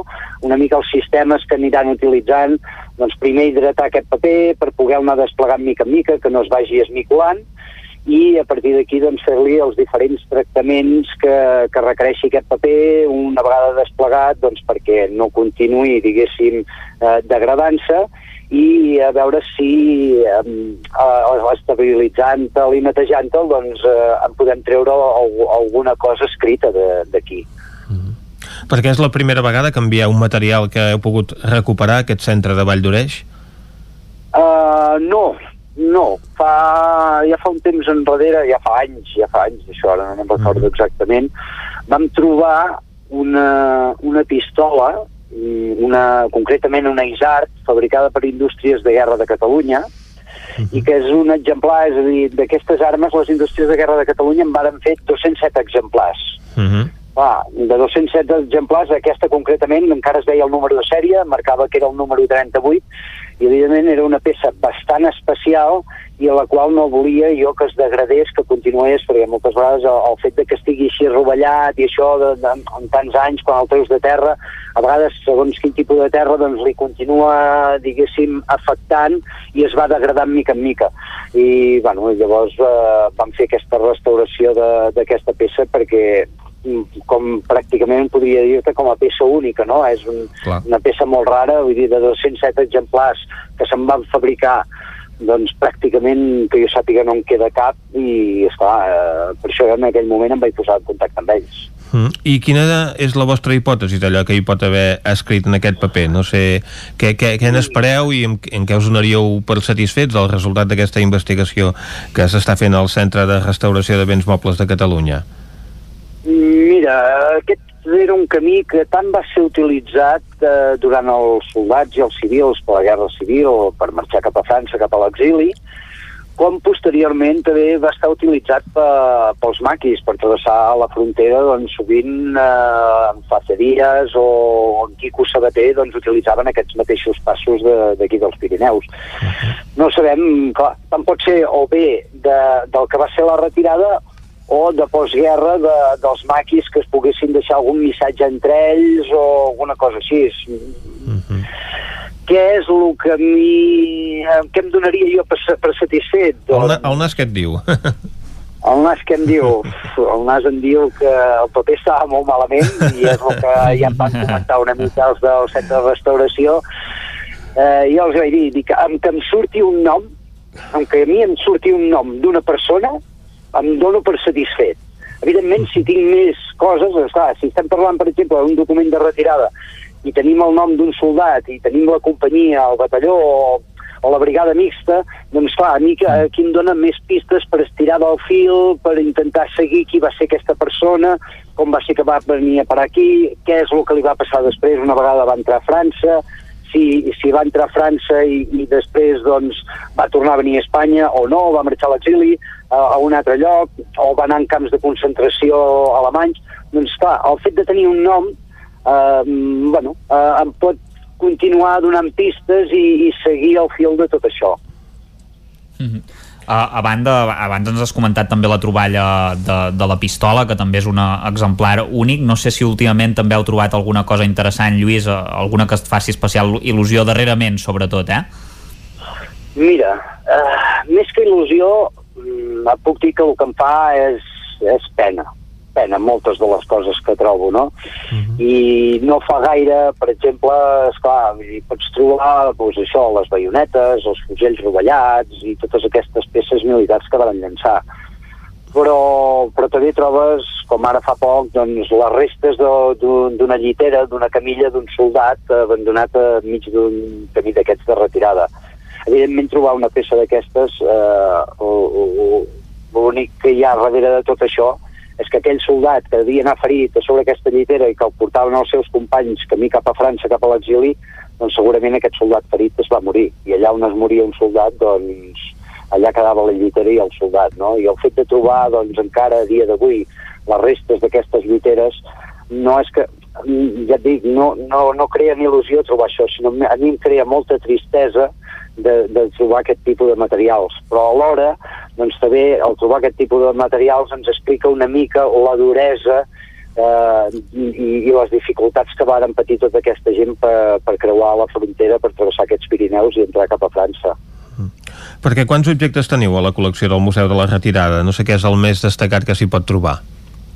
Home, objectes, et diria, aproximadament en de tenir més de 700 peces, uh -huh. a dins del museu, i el, el més destacat, clar, ja hi tornem a ser, no?, com a destacat, com a arma, diguéssim, com a cosa bèl·lica de guerra, seria aquesta, aquesta pistola Isart que, que, que t'he comentat. Bueno, uh -huh. a part de la pistola Isart, doncs també hi ha altres peces d'indústries de guerra de Catalunya, és a dir, he fet una vitrina exclusivament d'aquestes armes que varen fabricar les indústries de guerra de Catalunya, que evidentment doncs, es van fabricar amb poca producció i és molt difícil trobar peces d'aquestes característiques, però, però més que destacar això, com a peça jo el que destaco són sempre el, el que són les manetes de les maletes dels civils. Uh -huh. És a dir, aquella gent civil que havia hagut de marxar de casa o havia hagut de ficar d'un dia per l'altre tot a dins d'una maleta i, i, i marxaven amb aquella maleta cap a França amb la il·lusió de, de diguéssim, de, de, de marxar d'aquí, de poder anar a un, a un país que esperaven que els obririen amb els braços oberts i, i, i arribar, diguéssim, a, a la llibertat, i quan arribaven aquests passos de frontera de 1.500 i 2.000 metres sobre el nivell del mar, que estaven nevats, doncs, esclar, ja no podien més, havien d'agafar aquestes maletes, les havien de llançar per aquí, aquests passos de muntanya, i esclar, el símbol aquest d'aquesta maneta de la maleta que queda encara a dia d'avui, però el resto de la maleta, evidentment, era de fusta i no, ja no en trobem res, no? Però aquest símbol, aquesta, aquesta maneta, jo crec que és la cosa més destacable, el, el que més explica eh, el que va ser la, la retirada i la tristesa de tota aquesta gent que van haver d'abandonar aquest país. Perquè a banda de les armes, Lluís, no sé si hi ha alguna cosa que es conservi especialment bé, també sobretot d'aquestes coses que potser són més difícils de conservar, no sé si hi ha alguna cosa. No, pensa que tot el que no sigui ferro és molt difícil eh, que es conservi.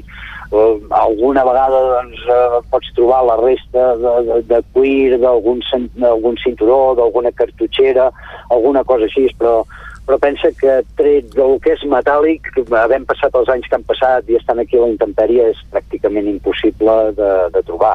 El fet destacable, doncs, el fet de que sigui notícia, que nosaltres haguéssim trobat eh, aquest paper dins d'aquesta funda doncs eh, és notícia per això, eh, perquè, perquè això no es troba, aquest tipus de material. Si no, si no és ferro, o, o la resta pràcticament queda tot degradat. I ara que estem en temps de pandèmia, com s'ha de fer per visitar el museu? Clar, ara és complicat. Els camprodonins doncs, encara en poden, en poden gaudir d'aquest centre cultural i poden anar vinguent els caps de setmana. Uh -huh. Clar, uh, uh, tal com està ara, uh, evidentment la gent no es pot desplaçar els caps de setmana i és complicat perquè a l'hivern nosaltres obrim els divendres, uh, el divendres està obert tot el dia, uh -huh. el dissabte uh, obrim a les tardes i diumenges al matí va, aquest és l'horari que estem seguint cara a l'hivern.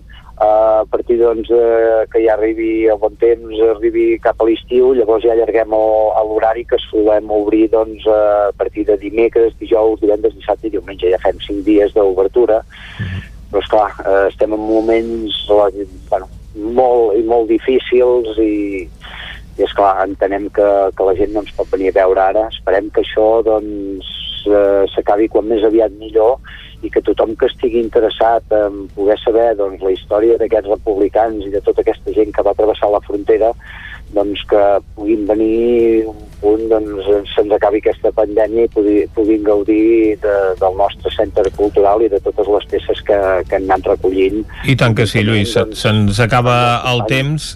Gràcies per explicar-nos la realitat d'aquest Museu de la Retirada, aquesta tasca d'aquesta zona transfronterera a Camprodon. Molt, moltes gràcies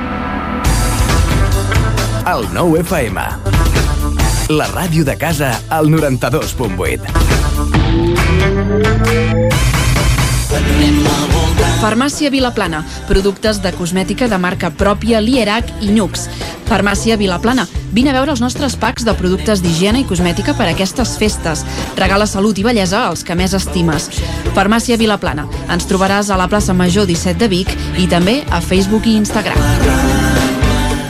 Pastisseria Atzavara obre les portes amb la besneta de Joan Cors. La quarta generació seguirà elaborant les famoses tortades i pastissos tradicionals. Com que ens apassiona el que fem, modernitzem els clàssics i fem coses noves perquè disfruteu cada dia. I per aquestes festes tenim torrons, coca de Nadal, packs per regalar, tortell de Reis i molt més. Ens trobaràs al carrer Major 58 de Tona i a Instagram. Atzavara us desitja bones festes i feliç any nou. Anuncia't al 9FM. La màquina de casa. 9 3 8 8 9 4 9 4 9. Publicitat arroba al 9FM.cat. Anuncia't al 9FM. La publicitat més eficaç. Només pensar en passar aquesta nit sense calefacció amb aquest fred? No es preocupi, hem analitzat a fons la caldera i de seguida quedarà reparada i en funcionament. Quan tingui un problema amb la seva caldera, vagi directament a la solució. Truqui sempre al servei tècnic oficial de Saunier Duval i despreocupis, perquè som fabricants i coneixem les nostres calderes peça a peça. Informis a Oficiat Nord trucant al 938860040. Saunier Duval, sempre al seu costat. Per estar bé a casa, vine a Mobles Verdolet. Sofàs, sales d'estudi, dormitoris, menjadors i molt més. Mobles fets a mida. Mobles Verdolet. Ens trobareu al carrer Morgades 14 de Vic i al carrer 9 44 de Torelló i també a moblesverdolet.com. Mobles Verdolet us desitja bones festes. Òptica Visual Opti3. Regala qui estimis, visió, salut, protecció, prevenció i moda. Per tu, regala't una revisió visual completa. Visual Opti 3, la teva òptica. Ens trobaràs a Facebook, Instagram, visualopti3.com i a la plaça Major 39 de Vic. Cada territori té un atractiu o més d'un. El fruit, el paisatge, la seva gent, les pedres... Camins de l'Eix. Descobrint el capital de terra endins. Camins de l'Eix, dissabte a les 9 del vespre al 9 TV. Aquesta setmana, la Vall d'Aran, amb el suport de la Generalitat de Catalunya. 7 milions i mig de futurs. El 9 FM. La ràdio de casa al 92.8.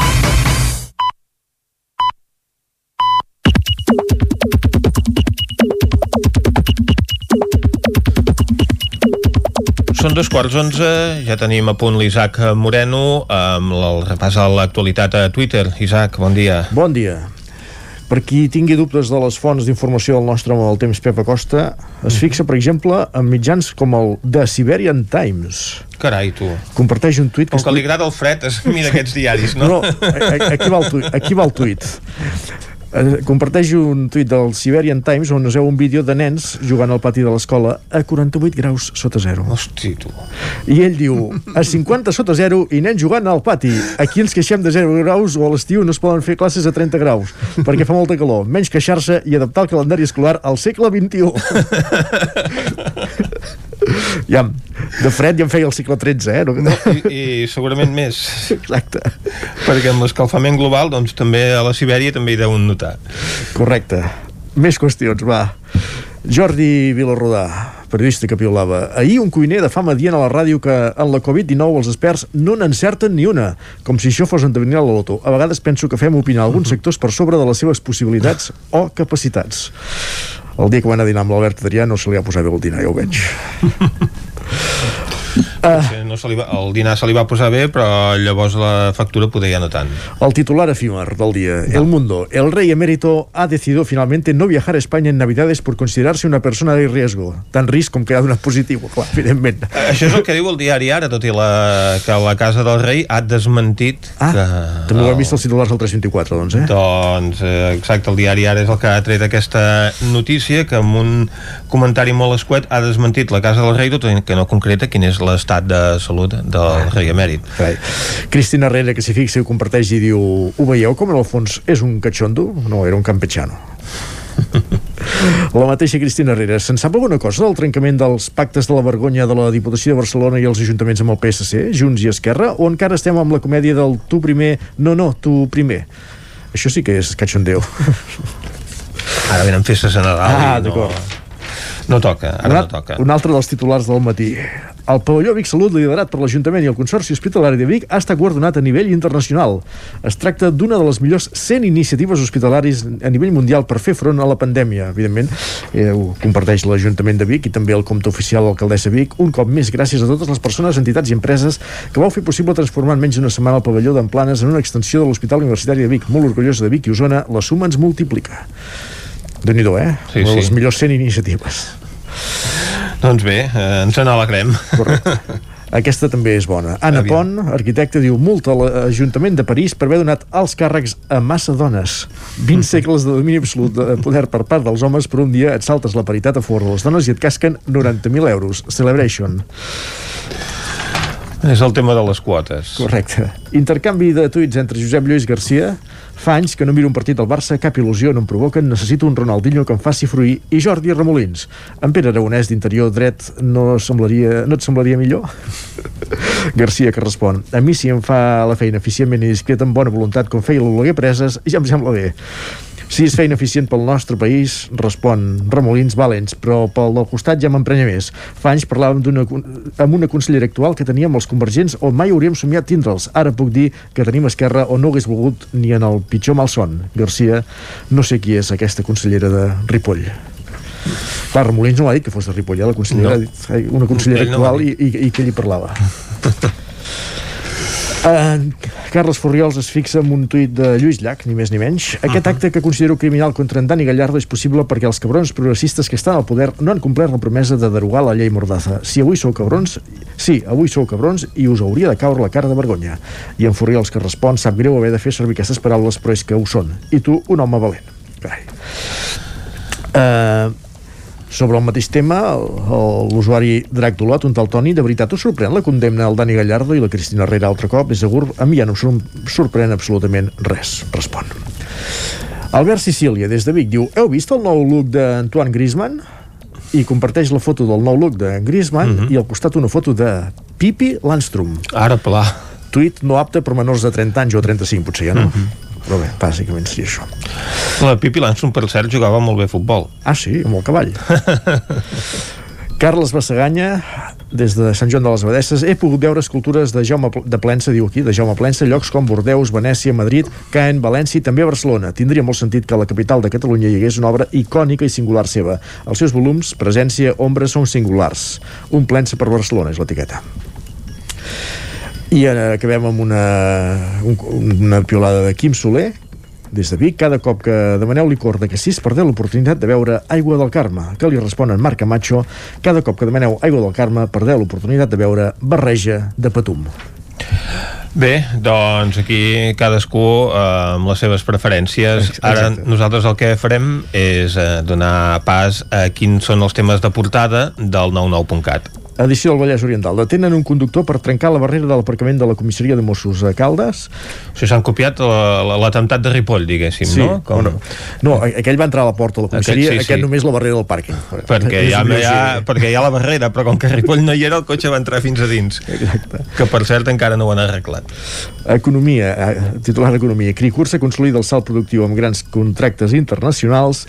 El pla de Rodalies preveu connectar la xarxa ferroviària del Vallès Oriental i l'Occidental i la taxa de transmissió de la Covid-19 torna a l'1 al Vallès Oriental. Carreguem ràpidament la portada vermella, la del 99.cat d'Osona i el Ripollès. Jordi Coromina obté el Premi Revelació dels Premis Nacionals de Gastronomia. El Festival BBVA de Cinema de Muntanya tindrà un format híbrid. Manlleu i l'Esquirol estudien fer una moratòria d'un any a les llicències de parcs solars de grans dimensions. Doncs moltes gràcies, Isaac, per aquest repàs a l'actualitat digital. Ara nosaltres anem a analitzar temes d'actualitat a la taula de redacció. Bon dia. Territori 17.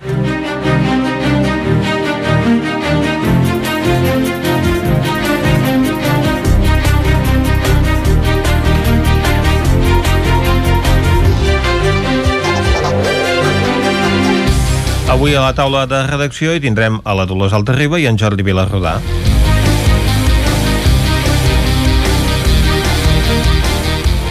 Comencem eh, parlant d'aquesta visita que va fer ahir a Vilallaons la consellera d'Agricultura, Ramaderia, Pesca i Alimentació, Teresa Jordà, i candidata també a les eleccions eh, al Parlament del proper 14 de febrer com a cap de llista d'Esquerra Republicana per Girona, però ahir la consellera intervenia en tant que consellera i el que ens farà la Dolors Altarriba doncs, és explicar-los una mica de què va anar aquesta visita, Dolors.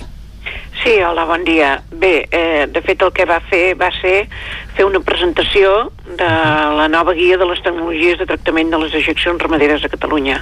I, jo, jo el que va fer doncs, és aprofitar de fer-ho en una granja, la del Bruguer de Vilallons, on ja hi ha un sistema de tractament funcionant des de fa eh, des de fa molt, molt, molt temps, diguem-ne, no? des de fa molts anys. Llavors, diguem-ne que va aprofitar de fer-ho en un lloc on també va, va visitar, li van explicar el sistema que ells fan servir i com funciona, eh, però per fer aquesta presentació de la guia, que és una guia que de fet, a veure, la primera que es va fer es va fer l'any 2004, o sigui que fa, fa molts anys i es havia de refer, diguem-ne, d'alguna manera es havia de posar al dia tota la informació sobre sistemes de tractaments de purins que, que hi ha al mercat, perquè això, ella va dir, això és, un, és una guia que també ha de reforçar o ha de servir perquè els ramaders puguin triar eh, com han de tractar els purins a la, a la granja i per tant complir amb el decret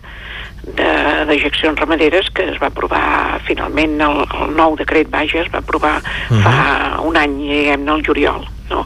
Llavors, per tant, la guia el que és és una eina per ajudar-los tant amb ells com amb tots els, els el sector tècnic i la veritat és que eh, això s'hi van posar una van fer una mena de, de taula d'experts de l'any 2017, que són tot persones eh, eh, diguem-ne del sector científic tècnic no? i, uh -huh. i, i d'universitats que el que van fer va ser validar els sistemes que hi han i fer-ne una, una explicació i per tant, diguem-ne, d'entrada han fet un, amb, el, amb, les, amb les tecnologies han fet un, una separació de cinc, de diferents, una seria uh -huh. la separació sòlid-líquid, l'altra és compostatge, uh -huh. l'altra és secatge solar, la digestió anaeròbia i la nitrificació i desnitrificació. Val? Uh -huh. Tot això són, són cinc sistemes que llavors el, ells el que fan en cada un d'ells és doncs, desgradar una mica eh, com funcionen, quina eficiència tenen, l'ús agronòmic que, que, que, que se'n pot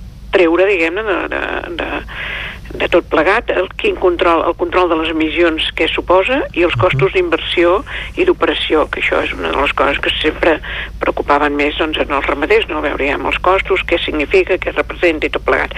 Llavors ells fan un... A veure, és una...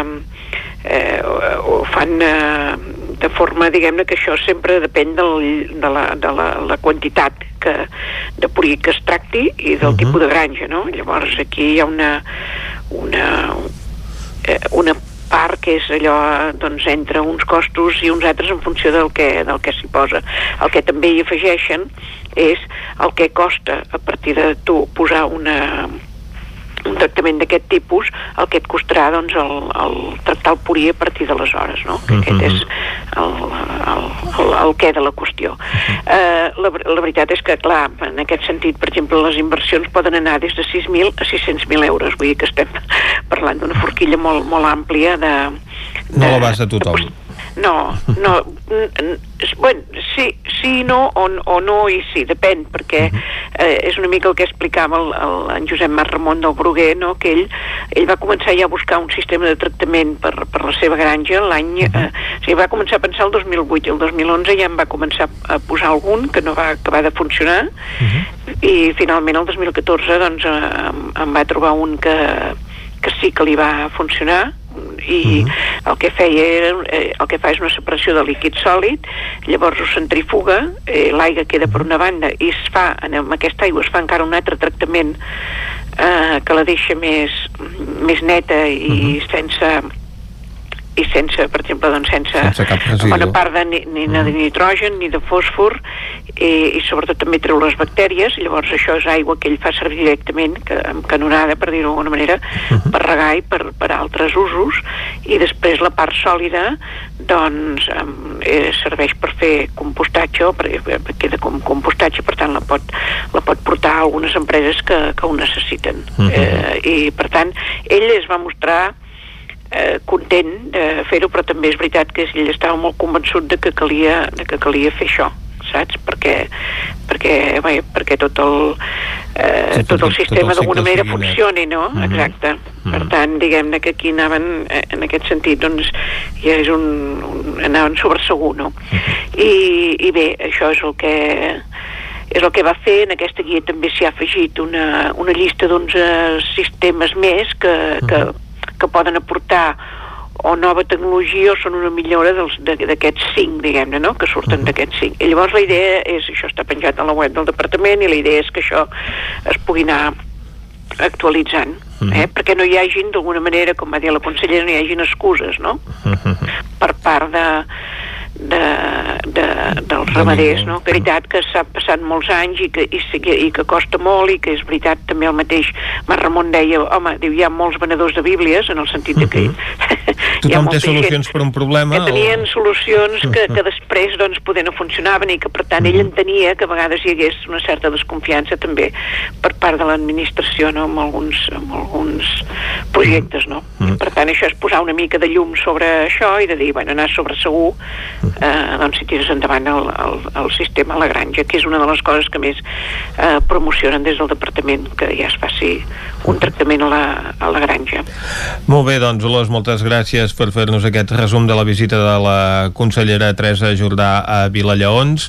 Anem nosaltres ara de Vilallaons a l'Atlàntida, perquè com ja us comentàvem, es va presentar el que ha de ser la temporada vinent, amb tots aquests interrogants que ens planteja l'actual situació, i en Jordi Vilarrodà ens en va fer un esbós. Jordi, podem donar algun detalls més de com funcionarà aquesta propera temporada de l'Atlàntida? Sí, ahir dèiem en una mena de connexió d'urgència, diguem, quan s'havia acabat tot uh mhm. -huh. just la roda de premsa de presentació, que l'Atlàntida programava de moment del gener fins al març, perquè amb la incertesa del moment en què ens trobem és molt difícil poder avançar com es feia una programació ja doncs, per tot el que quedaria de temporada. I encara eh, el que hi ha és la intenció i és el compromís de moment, però que està subjecte, evidentment, a tot el que pugui passar. Ara mateix sentíem aquest matí que s'està qüestionant altra vegada el confinament si ha de ser amb un límit municipal o amb un límit comarcal i aquesta decisió mm -hmm. està sobre la taula del Procicat. L'Atlàntida precisament eh, eh, està intentant no programar els caps de setmana perquè es troba que molta part del públic no és de Vic, és d'Osona en general i fins i tot de més enllà. Per tant, si es mantingués el confinament municipal, aquí tot salta pels aires. Ah. és a dir, que tot plegat és agafat amb pinces, eh? però sí que, malgrat tot, eh, l'Atlàntida continua i té doncs tota una programació en què recupera algunes de les propostes que ja hi havien de ser en la temporada passada, que no es van poder veure, per exemple, n'esmentem una de, de molt destacada que, que havia de produir-se ja la primavera passada, que era l'actuació de, perdó, perdó, passada, l'actuació del pianista Grigori Sokolov, que és un dels millors pianistes del món, alguns diuen que el millor, i que doncs havia de ser, no es recordo si octubre, novembre d'aquests últims mesos, i ara doncs està programada pel mes de març. Ja, és a dir, hi ha actuacions de les que ja hi eren, doncs que estaven previstes i que recuperen. O un cas molt curiós, que és eh, una obra teatral, La dona dels 600, d'en Pere Riera, que s'ha programat quatre vegades, també. O sigui, aquesta és la quarta vegada que se li posa una data, no? Uh -huh. Que ara, eh, si Déu vol, serà el dia 23 de gener. A, a veure, a veure si a serà veure. o no serà. Eh, en tot cas, la programació començaria el 10 de gener amb un infantil. Hi ha algunes propostes teatrals, com dèiem, i molt interessants. Per exemple, la primera, no entrarem ara en detalls, allò cada una, però anoteu-vos la primera, aquest mm -hmm. país no descobert, que és un muntatge de l'Àlex Rigola, que ha tingut premis Butaca en aquesta última edició, que ahir ja ho recordàvem, s'acaben d'entregar, i que protagonitzen l'Alba Pujol i en Pep Cruz, un gran i tractor, i l'Alba uh -huh. Pujol explicant la pròpia experiència del seu pare en el procés que el porta a la mort per un càncer i els diàlegs que tenen i, i que és una proposta interessant. Aquest país no descobert, es diu l'obra serà la primera producció teatral important que es veurà el dia 16 de gener. Uh -huh. uh, hi ha uh, molta proposta comarcal també perquè l'Atlàntida procura eh, donar peu també a moltes propostes usonenques, per exemple, eh, per dir alguna cosa, doncs hi passarà doncs, en Peio amb el seu Gallardo espanyol eh, i, i d'altres, eh, per exemple, també doncs, una producció eh, de,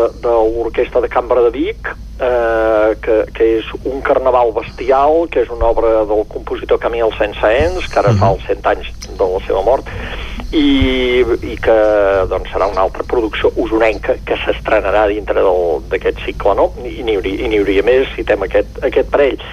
Eh, què més? Doncs eh, un accent eh, alternatiu que es vol donar aquesta programació, un protagonisme a la figura de la dona i un caràcter innovador, que això són tendències que ja no només són d'aquesta temporada, sinó que l'Atlàntida va, diguem, arrossegant eh, ja des, del, des de que Montse Callada agafa la direcció i, i uh -huh. se li dona tot aquest caire a la programació. O sigui, molts protagonismes femenins, també aquest, eh, aquest accent social.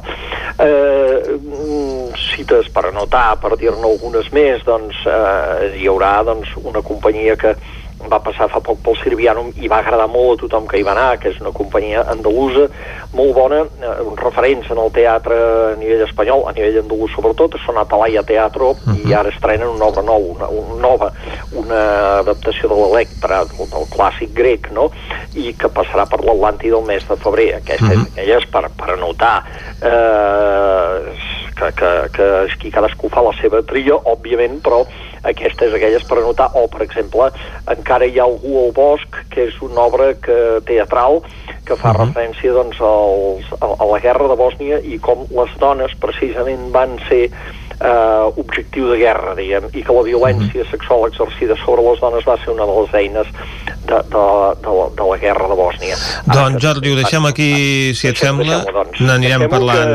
Hi ha, molta, hi ha molta cosa. Sí, perquè hem d'anar del teatre al cinema i ens espera la Núria Lázaro amb les seves propostes cinematogràfiques pel cap de setmana. Moltes gràcies, Jordi. Doncs en Jordi Vilarrodà que ens ha fet aquest repàs del que serà la propera temporada de l'Atlàntida i ara, com us dèiem, anem al cinema. Territori 17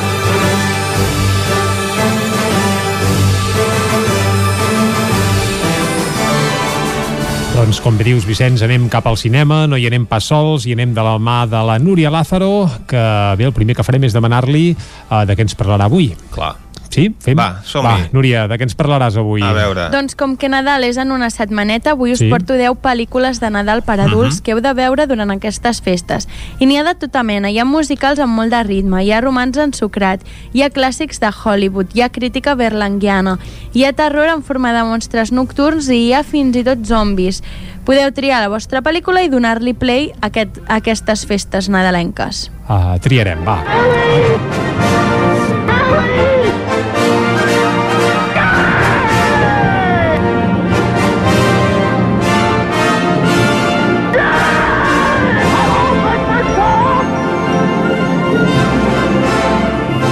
Doncs començo per un clàssic nadalenc per reflexionar sobre la vida, sobre els èxits i els fracassos i sobretot allò que encara ens anima a seguir endavant. Que bonic és viure de Frank Capra és la faula nadalenca per antonomàsia un exemple de l'emotivitat ideals d'aquestes festes en què James Stewart interpreta un modest banquer que quan anava a suïcidar-se la nit de Nadal una cosa increïble passa per recordar-li tot el que se li està oblidant. Després de l'any 2020 que hem viscut, potser aquesta pel·lícula sigui un imprescindible el dia de Nadal. Llegan informes de que continúan los contagios masivos en todo el mundo por un virus todavía no identificado.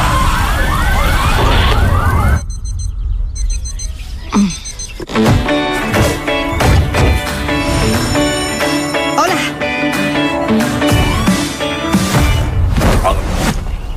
¿Puede oírme?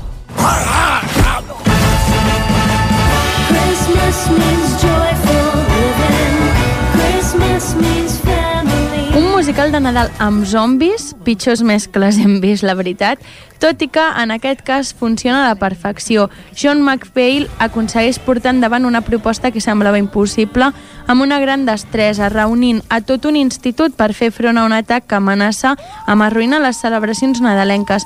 I això no es pot permetre. Entre números musicals i trames coming of age, Anna i el seu apocalipsi zombis surten molt ben parats. We might as well be honest with each other. Just tell me, did you sleep with her? Okay, I slept with her. You happy? Did you say, am I happy? You gotta be. Les comèdies romàntiques entren bé tot l'any, però especialment a l'època nadalenca. Són xuts de dolçor com els que ofereix aquesta pel·lícula de Nancy Meyers, The Holiday, que ens explica la història de dues dones que intenten trobar-se a si mateixes en dates tan assenyalades canviant de casa. La Cameron Diaz es va a una caseta a Anglaterra i la Kate Winslet a una mansió a Los Angeles. Canvis d'aire, romanç i viatge empoderador amb el Nadal i els seus ideals més purs com a escenari. New Line Cinema proudly presents a little holiday story. One Christmas Eve, Santa Claus got an unexpected gift of his own.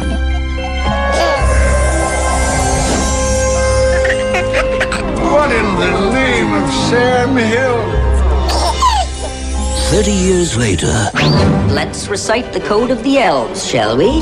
The best way to spread Christmas cheer is singing loud for all to hear. Buddy's discovering who he really Bill Ferrell, vestit de follet de Pare Noel sota les ordres de Jean Favreau, doncs sí, us estic parlant de Elf. Aquesta fantasia existeix i és una de les millors comèdies de Nadal de tots els temps. Raons li sobren. Ferrell interpreta un humà que ha crescut entre elfs i que, complerta la trentena, decideix anar a la recerca dels seus veritables pares a Nova York. Un viatge en el que la seva ambició serà retornar l'esperit nadalenc a tot aquell que es creu en el seu camí. Divertidíssima, entranyable i icònica, Elf és l'antídot per als més cínics. 7 o'clock, Psycho sees Santa's workshop, and only Lee Majors can stop them. In the night the reindeer die. be here.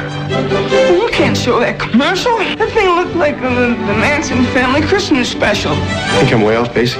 Yes, you're, well, you're a tad off base, sir.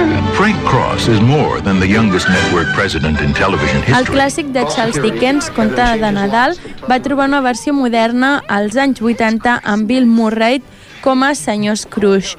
No podia ser d'una altra manera. Un home que no creu en el Nadal, ni en la compassió, ni en l'amabilitat, ni en tots aquests altres valors d'aquestes dates. I haurà d'enfrontar-se als seus fantasmes del passat, present i futur. El motiu? Aprendre que la vida està per compartir-la i per estimar-la. Un missatge que tants anys després de la publicació del llibre ens segueix venint molt bé. Los fantasmas atacan al jefe. Era Nochebuena y por toda la ciudad los niños dormían arropados, sus regalos bajo el árbol de Navidad. Mas este relato no es sobre Santa Claus o juguetes, es sobre tres tíos, tres colegas, tres íntimos amiguetes. Hace 14 años perdí a mis padres y vosotros habéis estado a mi lado todas las navidades desde entonces. Lo sabías. Pero esta noche... Encara que el seu títol crea una connexió amb el Dia de Reis, Los Tres Reyes Malos, és un canvi en la traducció espanyola directament de l'anglès perquè es tradueix com La nit anterior en referència a la nit de Nadal. Aquesta pel·lícula, protagonitzada per Joseph Gordon-Levitt, Seth Rogen i Anthony Mackie, és 100% nadalenca. Aquest trio té una tradició inamovible en la nit prèvia al dia de Nadal, sortir de festa com cap altra nit de l'any. Throughout the years, working title films and writer Richard Curtis have captured the euphoria, hysteria, and humiliation of love. With the films Four Weddings and a Funeral, Notting Hill, and Bridget Jones's Diary. This holiday season, join this unforgettable filmmaking team Welcome, Prime Minister. This is Natalie. Hello, David. I mean, sir.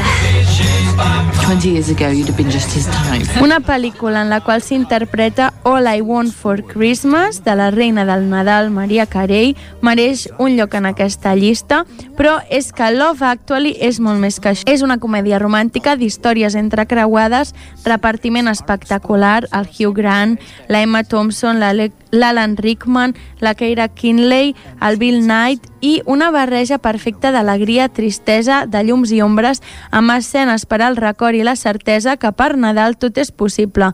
Bé, no tot. Andrew Lincoln. It's the most wonderful time of the year. ¡Feliz Navidad! ¡Cuidado! Hija, ni que fueses a recibir a los Obama. Está delicioso, cariño. Un poco seco. Pues el mío está riquísimo. ¿El mío está seco? Te lo cambio. És Navidad. Una de por, ho creguis o no, les pel·lícules de terror ambientades en Nadal podrien formar una llista per elles soles. I per aquesta llista ens quedarem amb Krampus, que amb tocs de comèdia ens explica una història de monstres nadalencs amb l'Adam Scott i el Toni Collette. Compte perquè així és com funciona. Si deixes de creure en els valors d'unió familiar i generositat que simbolitza el Nadal, el Krampus desperta per aterroritzar-te.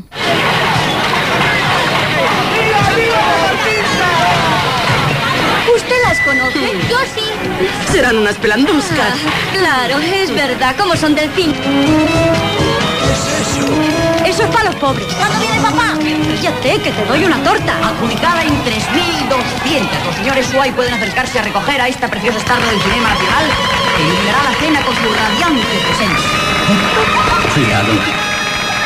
Oye, En una petita ciutat espanyola, unes dones organitzen una campanya nadalenca anomenada Asseu a un pobre a la teva taula.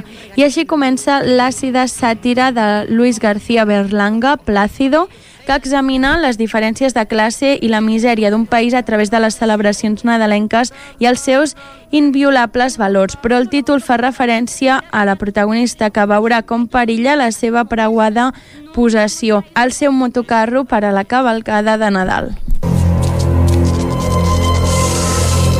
Así que no era más que eso.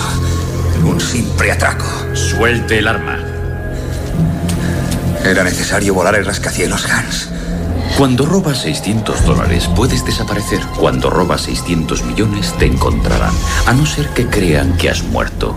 Tire el arma.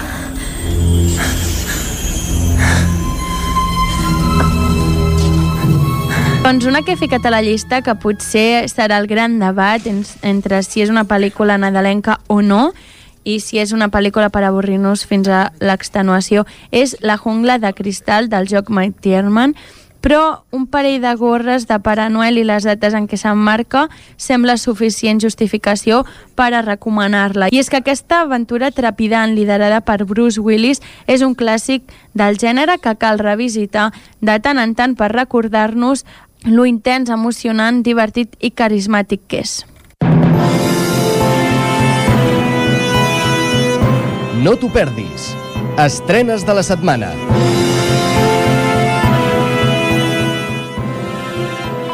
Doncs ara anem a les estrenes de la setmana. Repassarem les estrenes d'aquest cap de setmana, però els cinemes no frenen durant, durant el Nadal, així que podeu anar visitant vosaltres mateixos les pàgines web. Un, dos, tres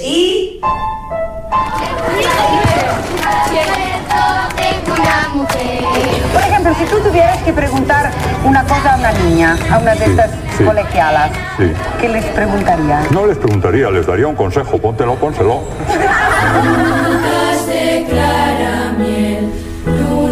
Doncs comencem amb el cinema Esbarjo de Cardedeu, que aquest dijous, avui mateix a les 8, estrenarà dins del cicle Gaudí Les Niñes, pel·lícula que ja n'havíem parlat abans, eh, de la Pilar Palomero, amb l'Andrea Fandos, la Natalia de Molina, la Zoe Arn, la Francesca Pinyón com a protagonistes, una pel·lícula dramàtica on la Cèlia, una nena d'11 anys que viu amb la seva mare a Saragossa, ha crescut sense qüestionar mai res d'allò que l'envolta.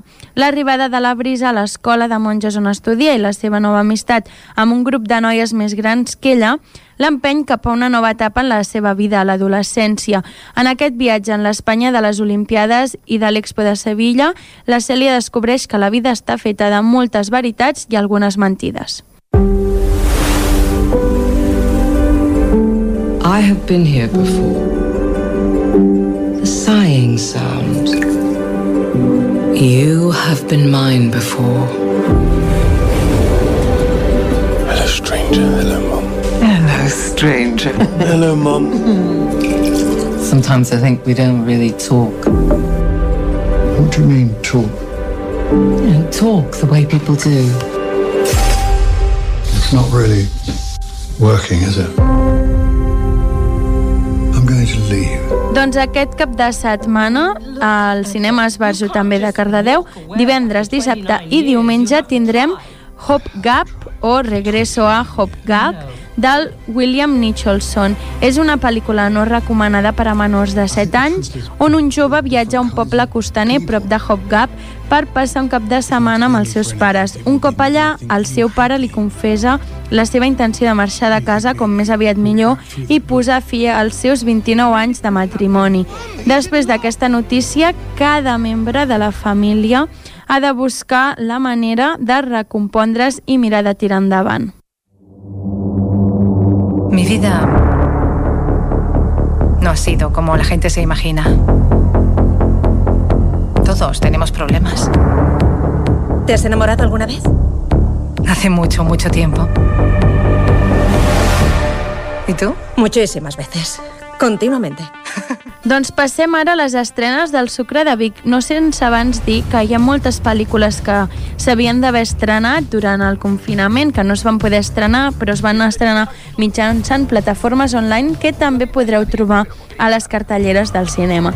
Però ara parlem d'una estrena com és Wonder Woman 1984. En aquesta pel·lícula són els anys 80, un futur molt diferent del que s'havia conegut i en el que la Diana Prince troba a faltar a companys del passat. En aquest nou capítol, la princesa de Temiscira entaularà amistat amb la bàrbara Anne Minerva, una arqueòloga que treballa per Max Lord, megalòman empenyat en recopilar artefactes antics amb la creença de que aquests li faran tan poderós com Déu.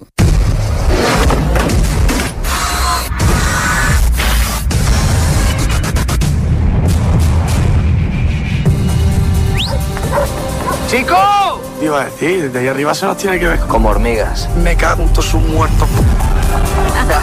¿Tú cómo te llamas, compadre? Ángel. No te me pongas machito. ¿Está buena o no está buena? Está muy buena. Angelito, súbete, anda. Si te quieres bajar, me lo dices ahora, ¿eh? Estamos.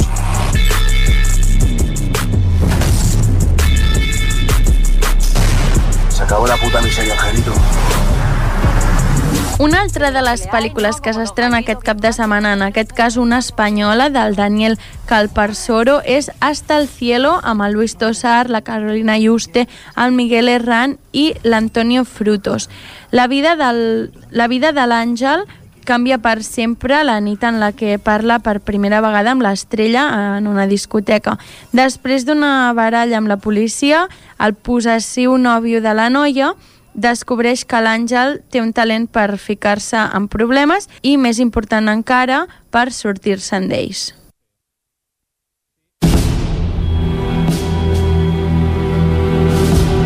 Nos piden 15 nigerianos para llenar un avión que viene de Marsella. ¿Deben ser nigerianos o pueden ser negros? Doncs al cinema Sucre aquest cap de setmana també tindrem un drama del Ramon Térmens, La mujer il·legal, a un advocat i una dona nigeriana atrapada en una xarxa de prostitució uneixen les seves forces per lluitar contra la corrupció del sistema de deportació de l'estat espanyol. «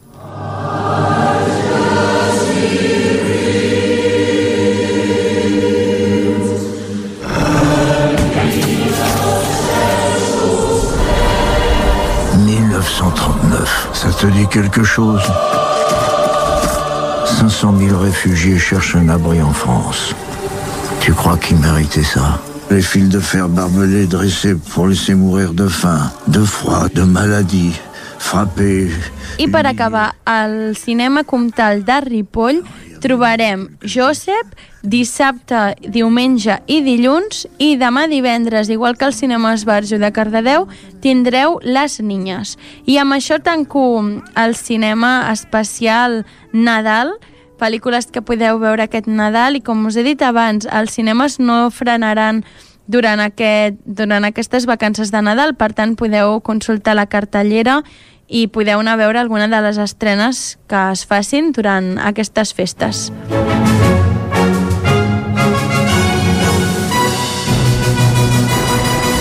Doncs passen gairebé 7 minuts de les 11 del matí i en aquest punt, després d'anar als cinemes, el que farem és acostar-vos de nou tota l'actualitat de les nostres comarques, les comarques del Ripollès, Osona, el Moianès i el Vallès Oriental. Territori 17, amb Vicenç Vigues i Jordi Sunyer.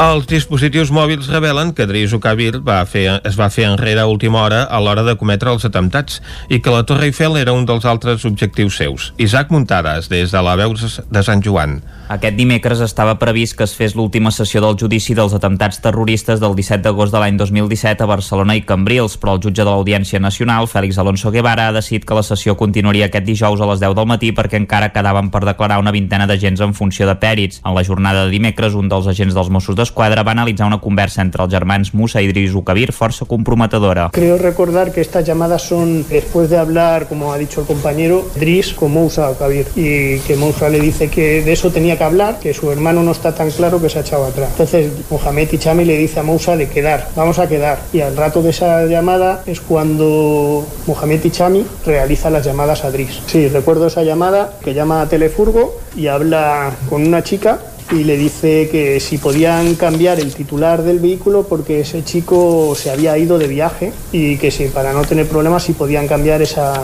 y la de Telefurgo le dice que el titular no se puede cambiar, que se pueden añadir conductores, que le enviara la documentación del otro conductor, pero el titular era el que costava, que en ese momento era Driso Ukabir. Durant tota la jornada del judici, seguida in situ pel major dels Mossos Josep Lluís Trapero, van passar-hi un gran nombre de guàrdies civils que van analitzar els diferents dispositius mòbils i aparells electrònics dels joves de la cèl·lula de Ripoll. Per exemple, en els telèfons mòbils del domicili familiar dels Hishami van trobar-hi algunes recerques fetes un mes abans dels atemptats sobre àcid sulfúric i cloroform. En canvi, en el mòbil de l'exparella de Drisu Kabir s'hi van trobar recerques sobre bombones de butà. En un ordinador Acer, del qual se'n desconeix el propietari, s'hi van trobar imatges de la Torre Eiffel i el Camp Nou. També es van trobar imatges de diners i armes, a més de captures de telèfon d'àmbit religiós sobre la vida i la mort. Sí que es va poder identificar un ordinador que era propietat de Younes Abu Yaqub i en aquest cas s'hi van trobar informacions sobre cèl·lules jihadistes, nashits, que és un tipus de música vocal musulmana recitats per ell i en què convidava al martiri. A la tauleta de Musau Kabir s'hi van localitzar vídeos d'escopetes de sal i d'atropellaments a gent, mentre que en un dispositiu d'Omar Shami s'hi van localitzar 14 vídeos de caràcter jihadista i 31 nashits de temàtica religiosa. També es van trobar vídeos d'estat islàmic, un tutorial de com muntar i desmuntar un AK i imatges del califat en un dispositiu de Said Alà. Aquesta setmana també van sortir a la llum dos vídeos inèdits dels joves radicalitzats que amenaçaven de cometre accions terroristes contra la Torre Eiffel i on s'autodenominaven els mujahidins de Ripoll. De fet, en una càmera localitzada entre la runa del xalet del Canà destruït per l'explosió, es van trobar desenes de fotografies i diversos vídeos de l'entorn de la Torre Eiffel, que no eren imatges turístiques sinó operatives, ja que s'hi mostrava una furgoneta i els vianants. En un vídeo gravat al cotxe mentre fan el viatge a París, Mohamed Hishami els anomena mujahidins de Ripoll, mentre riu des del seient del copilot i els incita a cometre atemptats. A més, Youssef Alà, que va morir a l'explosió del Canà, adverteix que aniran contra els enemics d'Alà. En l'última setmana s'ha reduït el nombre d'ingressats als hospitals d'Osona, tot i que s'han registrat 8 noves defuncions per coronavirus. Segons les dades facilitades pel Consorci Hospitalari de Vic, a hores d'ara hi ha un total de 45 hospitalitzats, 8 menys que ara fa 7 dies, malgrat haver-se registrat 26 nous ingressos. A l'Hospital Universitari consten 30 pacients hospitalitzats amb coronavirus, dels quals 12 estan a les unitats de cures intensives. A l'Hospital Universitari de la Santa Creu n'hi ha 15 amb resultat positiu i l'Hospital Sant Jaume de Manlleu està lliure de pacients amb la malaltia. Segons les dades del Departament de Salut, després de registrar-se 294 casos en els últims 7 dies, el nombre total d'infectats a la comarca és de 10.447, dels quals se n'han detectat 10.021 amb proves PCR. El total de defuncions relacionades amb la pandèmia a la comarca arriba a les 495. El Departament d'Agricultura, Ramaderia, Pesca i Alimentació inicia una campanya d'informació a ramaders i tècnics amb l'actualització de la guia de tractaments consolidats.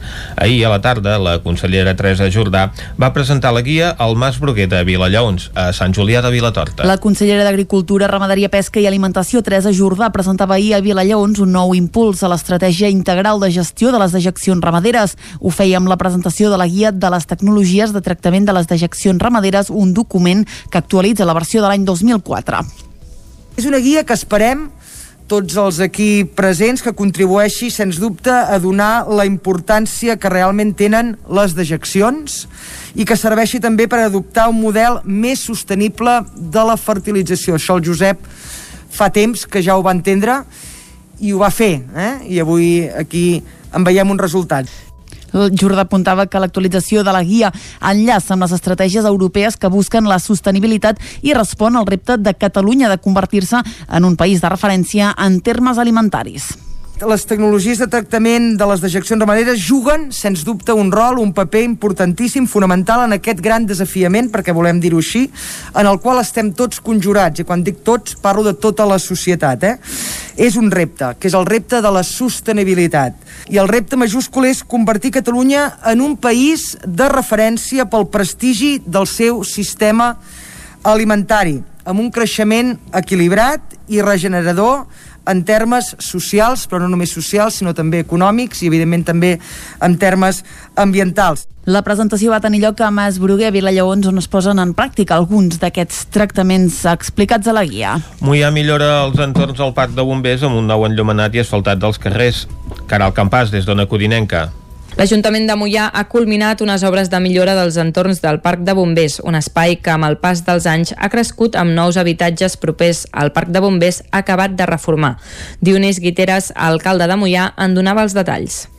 Bé, doncs el que s'ha fet ha sigut asfaltar i donar adequació de carrer eh, el carrer del, que està al costat del parc de bombers. Eh, penseu que aquest parc de bombers es va construir als anys 70, finals dels, finals dels 60, primers dels 70, per tant, prop de 50 anys, i, i es va construir allà amb un, amb un, amb un desert, no? No, no hi havia gaires habitatges, allà s'han anat construint cases i el que ens quedava per fer era aquesta, aquest vial que li donarà per fi la condició de parcel·la en el, en el, el terreny on hi ha el parc de bombers, ja que el tenim nou, doncs ja tenim totes les condicions urbanístiques adaptades al segle XXI. Aquesta primera intervenció continuarà en els propers anys per millorar els carrers de la zona, punt d'entrada al municipi quan es ve de Manresa.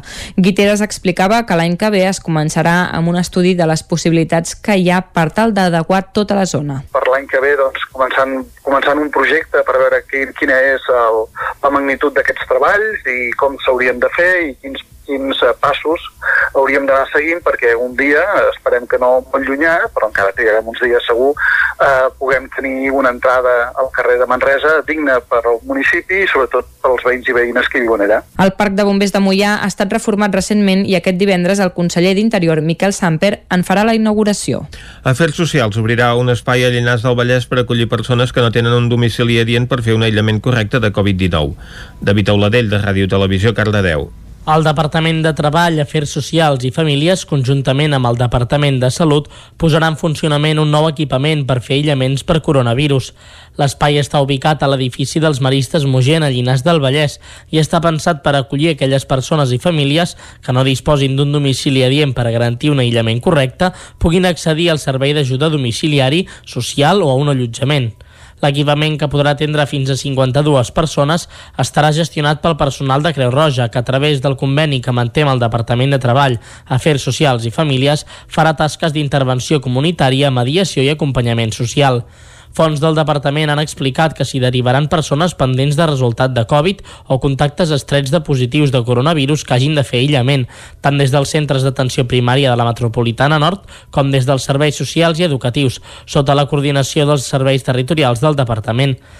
Espais d'aquestes característiques també se n'han ofert a d'altres punts de Catalunya i com a Llinars del Vallès els recursos estan gestionats per la Creu Roja. I fins aquí el butlletí informatiu de les 11 del matí, que avui ha entrat amb una mica de retard, això sí, però que us hem ofert, com sempre, amb les veus de Vicenç Vigues, Clàudia Dinarès, David Auladell, Caral Campàs i Isaac Muntades. Ara farem un breu parèntesi i tornem de seguida alegrant-nos interiorment, perquè qui ens acompanyarà, qui ens visitarà és en Jordi Soler, que cada 15 dies ens ve a parlar de PNL i d'alegria interior. Un parèntesi i el saludem de seguida. Territori 17. Envia'ns les teves notes de veu per WhatsApp al 646 079 023. 646 079 023. WhatsApp Territori 17.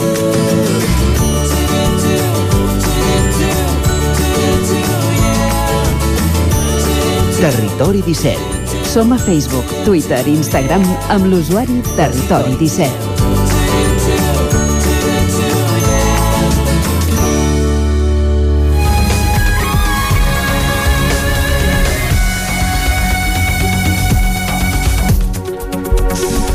Doncs quan passen gairebé dos minuts d'un quart de dotze del matí, Vicenç, és l'hora que ens visiti en Jordi Soler. Cada Exacte. 15 dies el tenim aquí. I, I que ens alegri interiorment, ara que ve Nadal. Exacte, sí, són dates importants, eh?, per estar alegre interiorment, tot i que, bé, tot l'any està bé estar alegre interiorment, només faltaria, eh? Jordi Soler, molt bon dia. Molt bon dia. Ah, per on anirem avui? Avui seguirem Uh -huh. seguirem una mica amb el tema de... Bueno, fa uns dies vam començar parlant de l'enneagrama sí. que era una eina que ens ajudava a autoconèixer-nos eh? saber una mica com som, com funcionem com dirigim les nostres estratègies qualsevol cosa que fem sempre està una mica acompanyat d'una estratègia cadascú la té molt personalitzada i a part de fugir d'una situació que m'incomoda puc mm, fer-ho de moltes maneres no? i a l'hora d'adquirir doncs, eh, no sé, un, un objecte ara per com un obsequi però algú altre també puc estar regit per unes estratègies determinades mm -hmm. i quan compro alguna puc fer-ho amb la intenció de que sigui alguna que em dongui plaer o que eh, em faci allunyar de, de la por o del dolor vull dir, són els metaprogrames que havíem parlat en algun cas no? que són diferents per cada un de nosaltres i que això ens ajuda una mica un cop ens coneixem a saber doncs, trobar aquest, aquest centre no? A saber trobar aquest punt d'equilibri a l'hora de fer coses però no anar-nos cap a l'extrem l'enneagrama què fa? Ens ajuda doncs, a, a identificar la nostra personalitat. Eh? Lligat una mica amb tot això que dèiem, cada personalitat té unes estratègies eh, molt particulars. No sé si recordes una mica els diferents eneatips que vam identificar l'últim dia, eren Uf, nou. Exacte, no, nou personalitats. Quants, eh? eh? Hi havia la primera, que era doncs, el perfeccionista, el número 1, l'eneatip número 1. Te les torno a relacionar per si n'hi ha alguna que et ressona. Eh? Si dius, mira, doncs jo m'identifico amb, amb aquesta. L'eneatip número 1 era el perfeccionista. L'eneatip número 2 era l'ajudador, eh? el que està sempre pendent dels altres, que ho donaria tot. El número 3 és el triomfador. Les vaig dient a veure si n'hi ha alguna que dius, mira, doncs jo aquesta em ressona. El número 4 és el romàntic, persona més aviat tancada, individualista. El número 5 és eh, l'estudiós, l'observador, l'investigador. Eh? Cada una d'aquestes personalitats té una part bona, la seva essència, vull dir, quan està en equilibri, i quan estem en un extrem, dir, per exemple, l'estudiós, si sempre està tancat a dintre del seu estudi, malament rai. No socialitzarà, no estarà en contacte, no, no expressarà el seu coneixement. Mm -hmm. El número 6, el lleial, eh? la persona que sempre hi pots comptar-hi. Si la tens de part teva, eh? si la tens en contra, per altra banda, doncs serà un gran oponent número 7 eh, l'epicuri o l'entusiasta eh, el que, bueno, l'optimista el número 8 el desafiador el protector i per últim el número 9 que és el pacificador eh, que és el que posa una mica les coses en ordre quan hi ha un conflicte què em diu Jordi? N'hi ha algun d'aquests que dius, ostres, mira, jo Mira, identificar-me en el meu cas concret amb algun d'aquests i prou no sabria pas fer-t'ho, eh?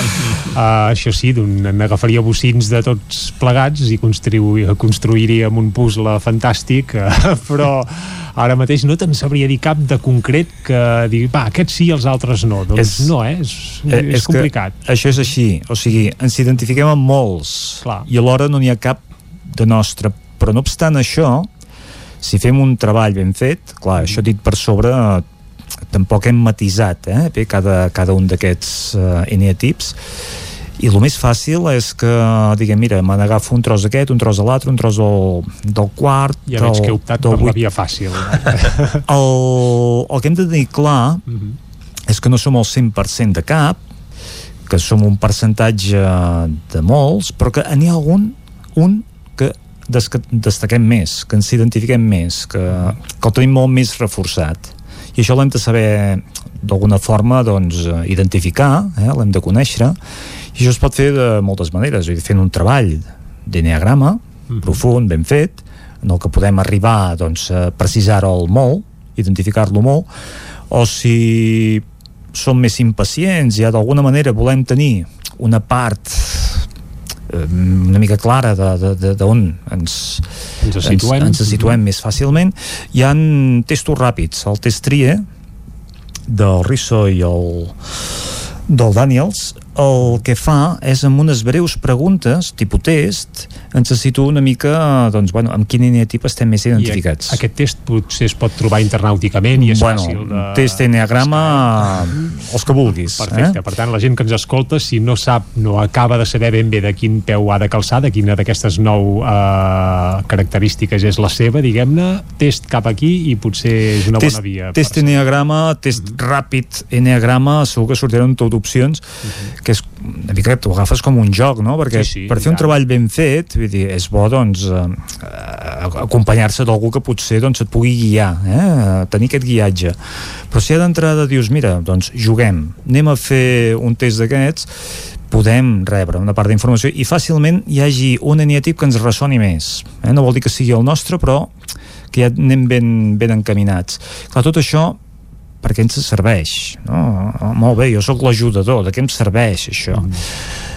uh, està molt bé eh? saber-lo, saber que tots són exactament iguals, no n'hi ha cap de millor que els altres i que tots uh, si se saben identificar i corregir cap a, cap a aquest punt d'equilibri seran bons si no se saben gestionar bé i ens anem cap a un extrem doncs eh, aquí és quan podem tenir problemes, no? Llavors, quan alguna cosa grinyola en la nostra manera de, de funcionar i sabem el nostre neatip, sabem la nostra personalitat, és més fàcil saber una mica quines conductes podem canviar o hem de tenir en compte.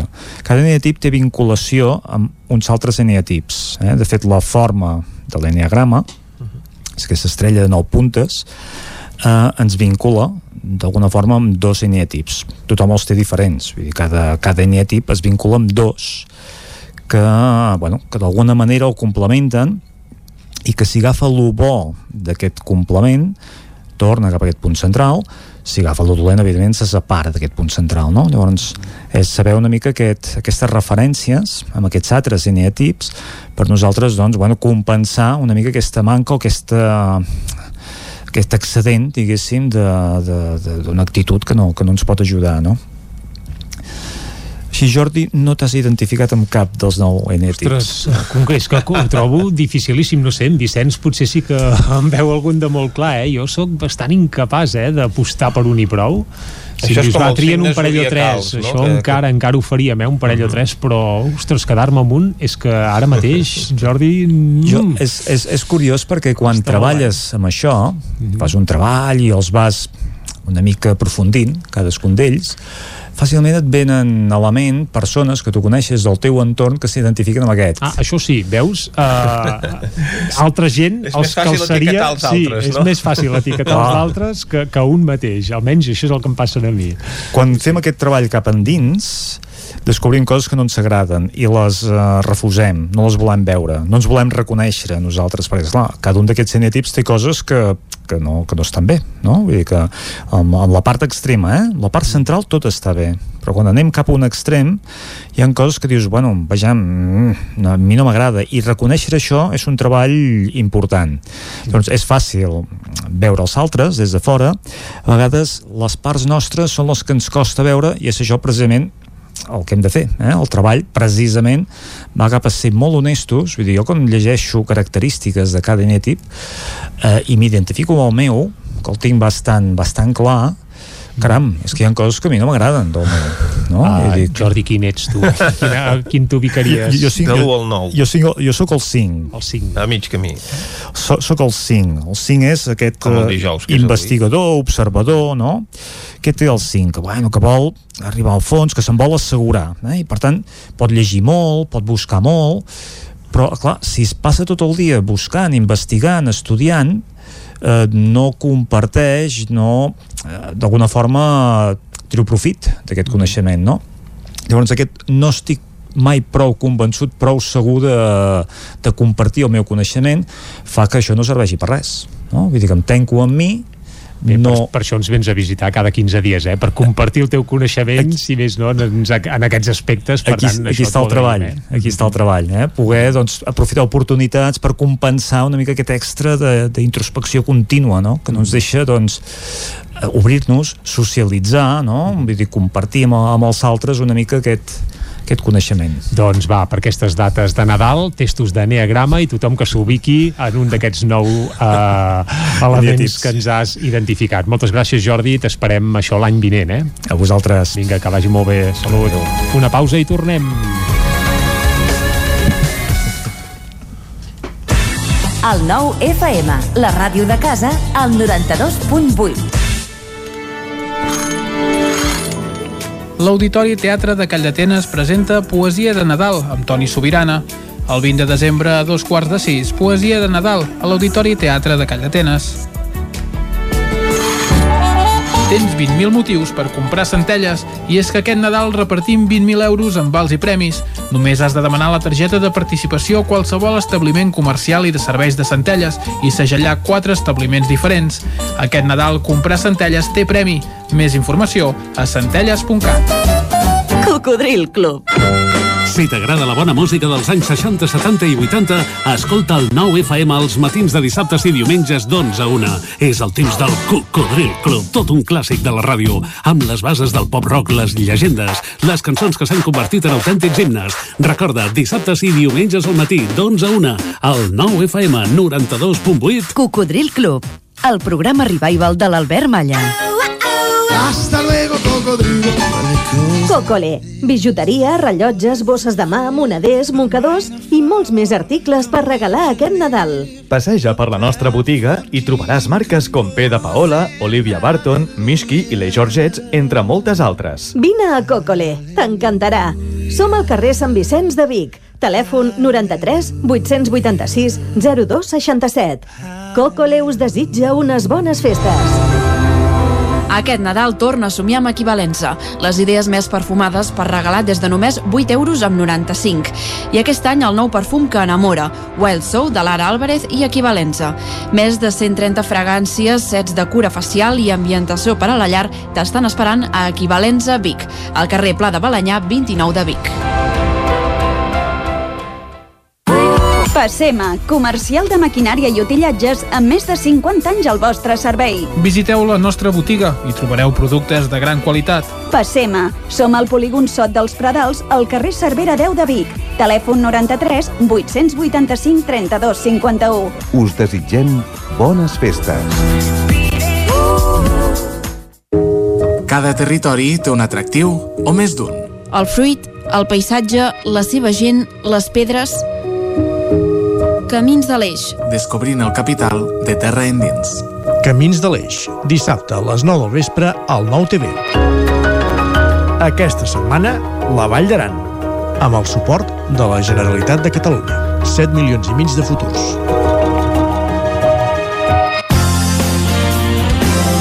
El nou FM, la ràdio de casa, al 92.8.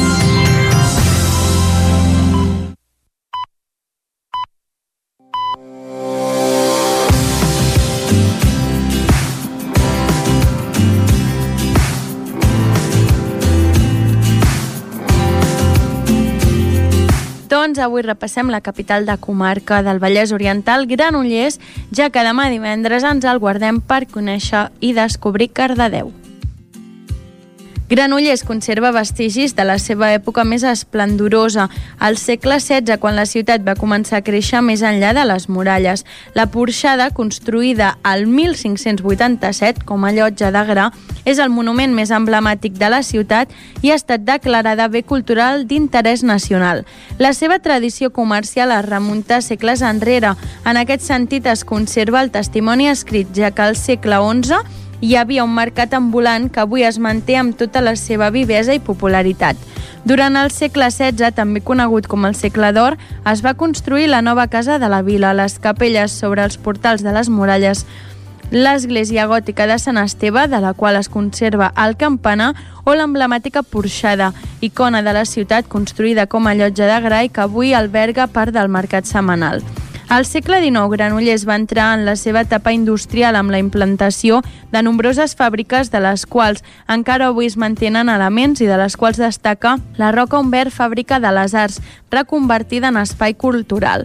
D'aquell període també es conserven habitatges modernistes, propietat de la burgesia industrial de l'època, que formen part de la ruta del modernisme del Vallès Oriental.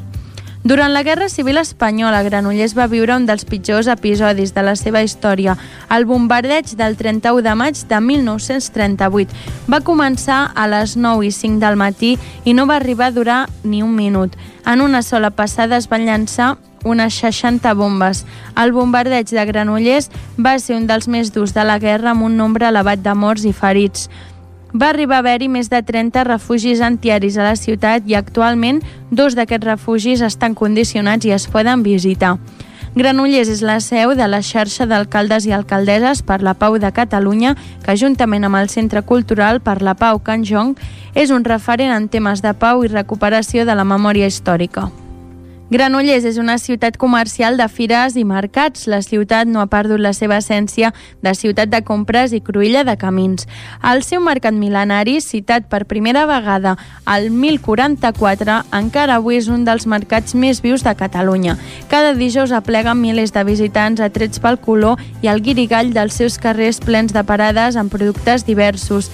Les seves places i carrers s'omplen de visitants que passegen i busquen els millors productes, aprofiten la jornada per degustar el tradicional esmorzar de forquilla en alguna de les seves terrasses i, des, i restaurants. Actualment, Granollers celebra tres mercats setmanals tots els dijous i dissabtes de l'any. Granollers, amb una agenda d'activitats àmplies durant tot l'any, permet viure la història, anar a comprar, degustar la seva abundant oferta gastronòmica, viure experiències culturals diverses i gaudir de les seves acollidores places, fires i mercats. A més, també té un equip d'handbol de referència internacional i del qual BUTV ha fet un documental Orgull Balomano Granollers que us recomano que mireu.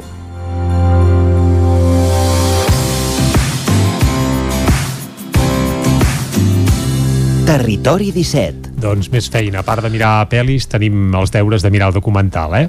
La Núria sempre ens posa deures. Clar que sí. Anem ara cap a l'R3, a la Trenc d'Alba.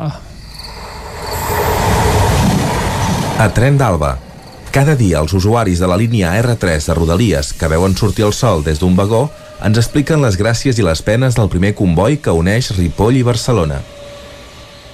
Benvinguts a Tren d'Alba. Doncs bé, ara fa uns dies va presentar el Pla de Rodalies de Catalunya 2020-2030. Aquest document, que ja veurem si acaba en paper mullat o no, recopila una sèrie d'actuacions que s'han d'executar durant la dècada vinent vinculades amb el servei ferroviari i on hi ha inclosa la línia R3. En principi, el govern de l'estat espanyol, encapçalat pel ministre de Transports, Mobilitat i Agenda Urbana José Luis Ábalos, i que es caracteritza per complir sempre les seves promeses, va dir que invertirien 6.345 milions d'euros en aquest període. Això sí, ja us podeu oblidar de veure obres importants cap al nord de la línia, almenys en el primer tram del full de ruta de Rodalies de Catalunya, ja que no es considera la possibilitat de desdoblar el tram entre Vic i Centelles fins com a mínim la segona fase del pla, que és en el període 2026-2030. Ells indiquen que és perquè volen fer una planificació realista per la quantitat d'estudis informatius i mediambientals que requereixen i que necessiten doncs, una tramitació d'aproximadament 5 anys. Ja es podrien haver redactat abans aquests informes, si és que sembla que ens prenguin el pèl. Almenys, amb els diners que s'invertiran, sembla que serà suficient per començar la redacció dels estudis el 2021. Ara, pel que fa al Ripollès, oblideu-vos del desdoblament, perquè aquest pla no inclou inversions concretes en el tram entre Vic i Puigcerdà. L'únic benefici per al Ripollès recauran els diners que arribin de les partides generals de manteniment de la infraestructura i instal·lacions. A veure si és veritat. Va, ens retrobem demà i recordeu que ja portem un retard acumulat de 8 hores i 21 minuts des de l'inici d'aquest mes de setembre. Territori 17. El racó de pensar, a Territori 17. Doncs després d'anar a la R3, on com sempre pinten bastos, mm -hmm. el que toca ara, Vicenç, és anar cap al racó de pensar, oi? Oh, i tant, anem a veure què ens proposa avui la Maria. Doncs vinga, Maria, bon dia. Bon dia des de Cardedeu i benvinguts una setmana més al racó de pensar. Gràcies. Només uns dies per acabar el trimestre escolar i per acabar l'any un any, diguem-ne, peculiar, per allò d'evitar posar-nos a plorar i aquestes coses. Eh? La majoria de famílies estem rebent aquests dies, jo les he rebut aquest matí, les notes escolars, les avaluacions d'aquest primer trimestre estrany, amb confinaments periòdics, amb grups bombolla i amb crisi d'abraçades i petons. És evident que si les notes, les temudes avaluacions arriben amb bons resultats, tot fantàstic. Poca cosa a dir. Però quan són més justetes, mmm, entra en joc una partida educativa heavy-heavy. Fins a quin punt hem de donar valor a aquestes avaluacions? Com cal reaccionar davant d'uns mals resultats? O si són bons, cal premiar-los? Avui obrirem el meló d'un tema que abarca mil i una opcions. I per què no? Potser cal debatre una mica més. Xantatges amb premis, càstigs per mals resultats o restar importància perquè, clar, és un any complicadet. Fins a quin punt gestionem correctament aquestes avaluacions? Per parlar de tot això, avui comptem amb els meus amors incondicionals. Esther Talaia, Bimara, coach i experta en resolució de conflictes i a mi m'agrada dir-li també amansaferes. Bon dia, Esther. Bon dia, Maria. I ens acompanya també en Juanjo Fernández Solà. Ell ha estat professor i ara és escriptor, formador i conferenciant per a famílies, escoles i empreses. Col·labora a l'Ara Criatures i al Revolució 4.0 de TV3, fent il·lustracions. I avui farem també amb ell, a part d'aquest debat eh, intens i interessant sobre les avaluacions, que més tu que ets professor també, Juanjo, farem les campanades de cap d'any, que a mi personalment m'encanten aquestes enumeracions que es porta sempre al, al Juanjo, que a més és com posar-li ordre a, a la vida. A mi que això em va molt bé, que algú m'ajudi a endreçar una miqueta totes les coses, oi que sí, Juanjo, que ens portes una nova numeració. Bon dia. 12 campanades, bon dia. Sí, sí, 12 campanades, desitjos per als mestres. Desitjos, això és tan maco. Demà haurem de fer un, un d'allò de, de, eh, mestres, escolteu-nos avui, especialment hem d'avisar-ho això, això abans, que estiguin atents. Som-hi, doncs, jo com us deia, avui m'han arribat les notes uh, i a banda, sense entrar, perquè cap fill m'escanyi quan arribi a casa, en com han anat, eh, crec que és important que, que parlem de, de diverses coses. Primer, fins a quin punt hem de donar el valor que li donem sempre a les notes en aquest any tan peculiar i, en segon lloc, fins a quin punt ens accedim donant l'importància o no a les notes. Eh, Esther, com ho veus tu? Home, jo crec que a, tota, a totes les famílies passen coses quan arriba aquest moment, no? I no hi ha, per mi no hi ha una, fa, una fórmula, però sí que crec que hem de tenir molt en compte la conjuntura que estem passant i, i, i l'any tan estrany, no només aquest any, sinó d'on venen els, els nens, alumnes, adolescents. I per tant, jo personalment el que penso és que les notes tenen un pes específic diferent a les condicions normals. No? I sí que diria que totes les famílies mmm, bueno, que poséssim en valor pues, tot aquest estrès emocional que estan passant no? els nostres fills i que una nota numèrica eh, per mi personalment no és tan important. No? Llavors, per mi és més important aquest acompanyament. També és veritat que cadascú coneix els seus fills, no? però jo crec que, que depenent de l'edat dels fills, els meus ja són una mica més grandets, no? És apel·lar a com se senten ells amb el resultat que han obtingut. No? Jo, en el, en el cas de quan són una mica més grandets, és eh, jo estic aquí per acompanyar-te, com et sents tu amb aquests resultats, i si vols un resultat diferent, estic aquí per acompanyar-te en el que et pugui ajudar. No? Eh, bueno, jo crec que, que això, no? que, que estan el resultat, estem en, un, no? estem en un moment on tots els resultats estan sobrevalorats, i també és veritat que com a adults, no? Eh, quan és d'important que els nostres fills, eh, o sigui, jo crec que és, és important els hàbits, no? però el resultat que vagin adquirint hàbits d'una manera eh, còmoda, els hàbits cap a l'estudi, cap a la responsabilitat, però és molt dur no? que t'avaluïn amb, un, amb una nota, o sigui, des de, a un nen i a un adult, sempre, no? Jo crec que és més important el camí i jo sempre dic, no? Jo quan, fa molts anys quan era professora d'institut, no? Jo crec que l'important és, eh, en la mesura que puguem, tornar-los quina és la seva responsabilitat i com se senten enfront al resultat. Per tu està bé, un assolit satisfactori per tu està bé, si per tu està bé, vale, jo vols més resultat, vols més resultat, doncs anem, què podem fer per aconseguir més resultat, no? Però bueno, jo, com us dic, eh, no hi ha una fórmula màgica i el que sí que jo crec que és un any de tenir com molta comprensió a, a com estan emocionalment els nostres fills, els nostres alumnes i fer aquest acompanyament, no? I, i si hi ha un bon acompanyament emocional, estan més preparats per abordar uns millors resultats en el següent trimestre, no? Juanjo, com a professor, no sé si creus que... O sigui, l'Esther Aragonona ens comentava mm, si una mica flexibles, entre cometes, tenint en compte que ha sigut un any emocionalment complicat. Creus que aquesta feina també l'han fet ja els professors a l'hora d'avaluar o s'ha normalitzat tot des de la part més educativa? A veure, crec que, crec que el professorat eh, eh, fa també bastant el que pot. Penseu que pel...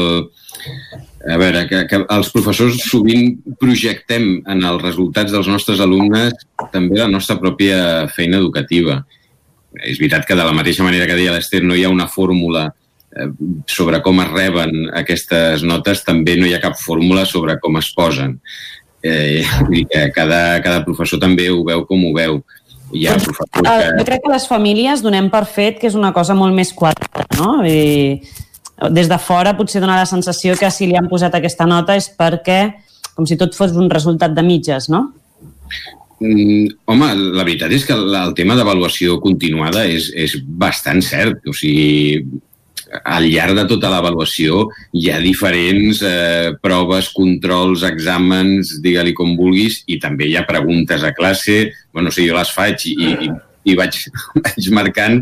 No hi ha una qüestió numèrica, sinó senzillament si, si aquella criatura ha portat la feina que se li havia encomanat, eh, si, si contesta, si no contesta correctament eh, i li dones una, una pista i llavors li tornes a preguntar si veus que, que enganxa la pista aquella i llavors eh, contesta bé o, o no, o està realment perdut, hi ha, una, hi ha una avaluació continuada. Jo diria que per part de les famílies el que no hauria d'haver-hi massa és sorpreses. I, eh, si, si et trobes que realment pensaves que, que l'avaluació havia anat molt bé pel teu fill, per la teva filla, i, i allò és eh, apocalíptic, has de pensar que alguna cosa no està funcionant. Pot ser a la família, pot ser a l'escola o en la, en la comunicació. Si no, ja ho pots, eh, ja te'n pots fer una idea. Llavors aquí jo sí que diria, per part de les famílies, no hi hauria d'haver eh, aquells ultimàtums que jo m'havia trobat alguna vegada de, en, en preavaluacions, especialment de, de, primers, eh, de primera avaluació, allò que uns dies abans, doncs, eh, mira, ara les notes serien aquestes, no? I, i a trobar-te alguna família que et deia no, no et preocupis, que, que ja li hem dit que o treu tot excel·lents o no passaran els Reis. Dius, a veure, això no passarà. o sigui, ni, ni, ni, ni passarà de, de... Queden dues setmanes, ni, ni passarà de, de sorpresos a, a excel·lents, ni tampoc deixaran de passar el rei. Hauríem, això també és un altre tema, eh? però hauríem d'evitar qualsevol vinculació eh, del Pare Noel i del Reis d'Orient eh, al resultat de les, de, de les notes. No en tenen cap culpa, ni els, eh, ni els Reis ni el Pare Noel. Mm, I després l'altra cosa que també és important, sobretot en els canvis d'etapa, eh, pas especialment de primària a secundària, també de vegades et trobes en famílies que diuen no, escolta, jo ja és gran, jo li he donat confiança. No, donar confiança no és et llenço a la piscina i així aprens a nedar. Mm, e, és el contrari, en un canvi d'etapa has d'estar-hi, el que deia l'Ester, has d'acompanyar molt més, molt més. En tot cas, ha de ser el teu fill, la teva filla, que et digui deixa'm anar una mica, però has d'estar-hi molt, més, eh, molt més al cas perquè, perquè és quan es pot perdre i en, les, en els temps coronavírics que estem vivint doncs encara és més fàcil que, que es perdi. Anem a veure una mica el que són a, a vegades reaccions una mica habituals. El Juanjo posava, per exemple, el tema doncs, d'aquest doncs, xantatge amb els Reis o amb el, amb el Pare Noel, que els regals vagin o vinguin. Comencem per les positives. És correcte premiar les bones notes? O d'alguna manera és com que allò hauria de ser el nostre l'obligació de l'infant, per així dir-ho. O sigui, ja no dic les bones notes, allò de les he aprovat totes i per tant m'he guanyat X. Això com ho veieu? En tot cas, jo crec que no hauria de ser un previ. És a dir, a tots ens agrada el reconeixement. Jo, jo també, quan de vegades neguem qualsevol mena de relació, dius, home, no ho sé, eh, en general en el món a tots ens agrada que ens reconeguin que ho hem fet bé, ni que sigui dient gràcies o, o enhorabona o felicitats. A tots ens agrada això. Llavors, jo crec que reconèixer eh, que s'ha fet bé, reconèixer no només per, per, que, per les notes, sinó per l'esforç que s'hagi que s'hagi fet, perquè, ostres, perquè, perquè ha estat una persona que ha mantingut la calma, perquè ha superat un moment difícil. Jo què sé, hi ha molts motius pels quals valdria la pena reconèixer-ho. Que això doncs, eh, aparegui en, en forma d'un regal més especial o d'alguna cosa que potser eh, la criatura no es pensava que, que els reis portarien i mira, al final ha entrat en la carta, jo no ho veig eh, malament. El que sí que desaconsellaria vivament és que això sigui un previ. És a dir, si treus això, eh, et portaran... Jo crec que això és el que no, el que no ajuda. Anem a l'exemple contrari, el, el, que també crec que, que es pot donar sovint, no? El, el si suspens no sé quantes, tu poses l'exemple del Nadal, però ja no el Nadal. Um, no aniràs a tal activitat que t'agrada fer, o no podràs quedar amb els amics un mes, o no podràs uh, fer certes coses. Aquest càstig relacionat amb les notes, Esther, com el veus tu?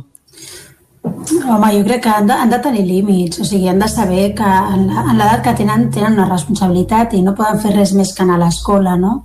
I de la mateixa manera que els adults tenim la responsabilitat de que a ells no els hi falti el bàsic, ells tenen la responsabilitat d'anar desenvolupant el seu hàbit, no? Eh, això pot sortir malament o pot sortir bé, o sigui, hi ha nens que se'ls dona molt bé i hi ha nens que se'ls dona molt malament. Jo sóc bastant anticàstic, no? Però també és veritat que han de tenir, o sigui, qualsevol acte ha de tenir una conseqüència, encara que sigui una, amb una estació verbal i que entenguin, no? A mi, jo sempre dic que a mi em funciona i m'agrada molt la comunicació, o sigui, agafar el teu fill, mirar-li als ulls i que la comunicació sigui directa, no? De mirada a mirada i t'estic parlant a tu, no? I, i escolta, jo esperava que tu haguessis, no? O sigui, que poder entendre i poder explicar, més que el càstig, perquè jo el que crec és que el càstig moltes vegades els col·loca en el punt contrari d'on com a pares voldríem, no? I això s'ha de saber palpar molt bé, no? Un càstig pot, pot tenir una conseqüència molt negativa, un càstig molt estricte, eh? Ara bé, una conseqüència, doncs, evidentment, doncs mira, a partir d'ara anem, anem a pactar, o sigui, els resultats han sigut aquests, anem a fer, eh, entre les dues parts, anem a decidir a partir d'ara què hem de fer, a què et pots comprometre.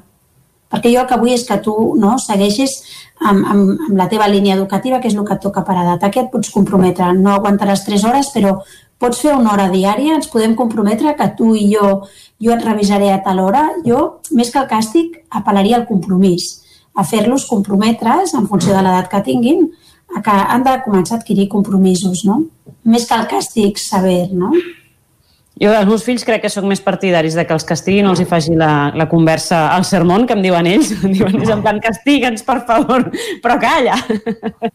Perquè quan els hi toca la conversa aquella que deies tu, jo crec que moltes vegades és el, no, no tots els nens la gestionen bé, no? D'alguna manera no, que algú dient o que et mostri aquesta decepció per uns resultats, moltes vegades crec que els hi és de fet més, més dur que, que jo què sé, que a mi quan era petita que em fessin copiar 50 vegades el que fos, saps? Jo crec que, que hi, ha, hi ha converses que evidentment estan buides tant de contingut com a resultat, no? I això és el que hem d'intentar, no perdre mai aquesta línia, no? De que no sigui castiga'm abans de, de deixar-me anar al rotllo i, clar, al final, no? el, el, el castiga més, et castigo, amb, amb quina finalitat et castigo, no? Prefereixo que entenguis, sí, sí, que entenguis el que, de què estem parlant i què espero de tu. Espero de tu que tens una edat on has d'anar adquirint uns compromisos i, per tant, si tu fas la teva feina, tranquil, els resultats arribaran. No? Jo crec que aquest treball per mi és important, no? que siguin conscients de que hi ha una línia de comunicació que hem de procurar com a pares que no es trenqui i que jo sempre confia, o sigui, sempre et donaré oportunitats com a pare, no? Mai, mai diré ni pensaré que ets un fracassat perquè les notes tornen a ser, és a dir, eh, tornem a obrir el diàleg i la confiança i vinga, va, no? Anem. Sí, jo diria, quan, es tracta de, quan es tracta de retirar eh, coses, per exemple, un clàssic que seria retirar el mòbil o que sí, jo diria, a veure, aquesta mena de retirades haurien de tenir a veure eh, amb, amb allò que s'hagi fet o deixat de fer. És a dir, si realment aquest mòbil ha estat mal gestionat i, i ha ocupat totes les hores i a més amb una feina en aquest cas no productiva eh, i més aviat doncs, que ha distret moltíssim, doncs llavors sí que ha de formar part de, de, de la sanció, de, de la conseqüència o de, digue-li com vulguis, si se li vol dir càstig, doncs càstig. Si no, per això, doncs no aniràs a aquesta activitat a veure, aquesta activitat, si és una activitat a, a posteriori, és una, una activitat que no tenia res a veure amb què fes o no fes, mm, jo no veig massa. Això també sortia sovint les dies, eh, de, doncs eh, ja no farà bàsquet. Ja no farà... Mm. A veure, si resulta que és que clar, és que fa bàsquet quatre cops a la setmana i després els partits i, i els entrenaments són a la quinta forca i, i ens ocupen 4 hores cada dia Dius, home, potser sí, ens ho hem de mirar. Si no, més aviat pot ser contraproduent. Que si, si es té entrenament dos cops a la setmana i és una hora i mitja tot plegat, home, mmm, això realment ha, ha de... Sí, així que se n'adoni, que, que, que, que es foti. Sí, és una manera, eh? però no, no sembla que hagi de ser un gran incentiu eh, el, el deixar de fotre's per, eh, per, per posar-se les piles. Vaja, no, no, no Com a conclusions podríem dir, estimades famílies que ens estigueu sentint, és rebem les notes amb mà esquerra i si hi ha conseqüències, que siguin amb sentit comú, d'alguna sí. manera. A partir d'aquí, i arribats a aquest moment, Juanjo, t'havia dit que tindríem 10 minuts de campanada, se'ns ha anat una miqueta el temps, tindrem menys, bueno. però jo ja estic desitjant començar a escoltar aquestes campanes. Explica'ns una miqueta de, de què va això que ens has portat avui. A veure, diu la tradició que si et menges els 12 raïms durant les campanades se't concedirà el que desitgis per l'any que comença. I a veure, si és així, queda clar que les campanades del 2019 o no vam menjar prou raïm o vam desitjar coses molt estranyes. Així que jo diria, donem-nos una nova oportunitat en guany. Jo, jo vull creure que com el 2020 ha anat com ha anat, potser aquest cap d'any ens mereixem que se'ns concedeixi un desig per cada campanada. Així que jo he pensat 12 desitjos per mestres però agafeu-los, adapteu-los i sobretot no us ennuegueu eh, amb, el, amb el raïm. Així que si teniu el raïm preparat, eh, doncs, eh, doncs som-hi, va. Juanjo, no tinc els quarts. Lo dels quarts ens ho podem saltar, no? Anem directament a les campanades. Anem a saco ja, vinga. Vinga. Del claustre, el personal, les famílies i l'alumnat siguem un, una autèntica comunitat educativa unida. Anem cap a la segona. Els dos que fem la mateixa assignatura ens posem d'acord, ens entenguem amb el nostre paral·lel d'assignatura i amb les nostres parelles. Bé, si s'ha de triar entre la parella o el paral·lel, mira, el paral·lel, escolta. Ho estaves dient i t'anava a dir versió família eh, en parella, està claríssim. Sí, exacte. Som a la tercera. De moment vas bé menjant raïm, Esther? Perfecte, doncs seguim. A per la tercera. Recordem sempre els tres secrets dels bons mestres. Dominar la teva matèria, apassionar-te per la teva matèria i tenir moltes ganes de compartir-la. Això a casa és més difícil d'extrapolar, no? La teva matèria com a educador. La teva matèria és els teus fills. Estar apassionat i tenir moltes ganes de compartir la vida amb ells. M'ha agradat això. Anem a per la quarta. Quatre parets de l'aula no ens tanquin, que tot el que hi fem faci caure les parets i ens porti tot el món a l'escola i faci els nostres alumnes oberts al món. I a casa. I a casa. Per la cinquena.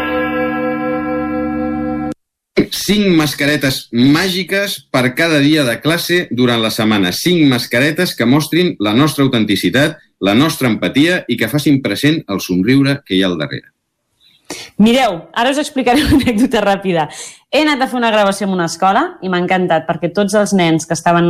Eh, he anat a gravar-los les Nadales i estaven cantant i anaven tots amb les mascaretes amb un somriure dibuixat per fora. Sí, I m'ha semblat preciós. És que a més era com contagiós. Ja està, dita l'anècdota, seguim. 6. Que la nostra vida d'educadors estigui plena de sis. Sí a educar amb afecte, sí a incloure tothom, sí a esforçar-nos tots plegats, sí a l'alegria a l'escola. Preciós.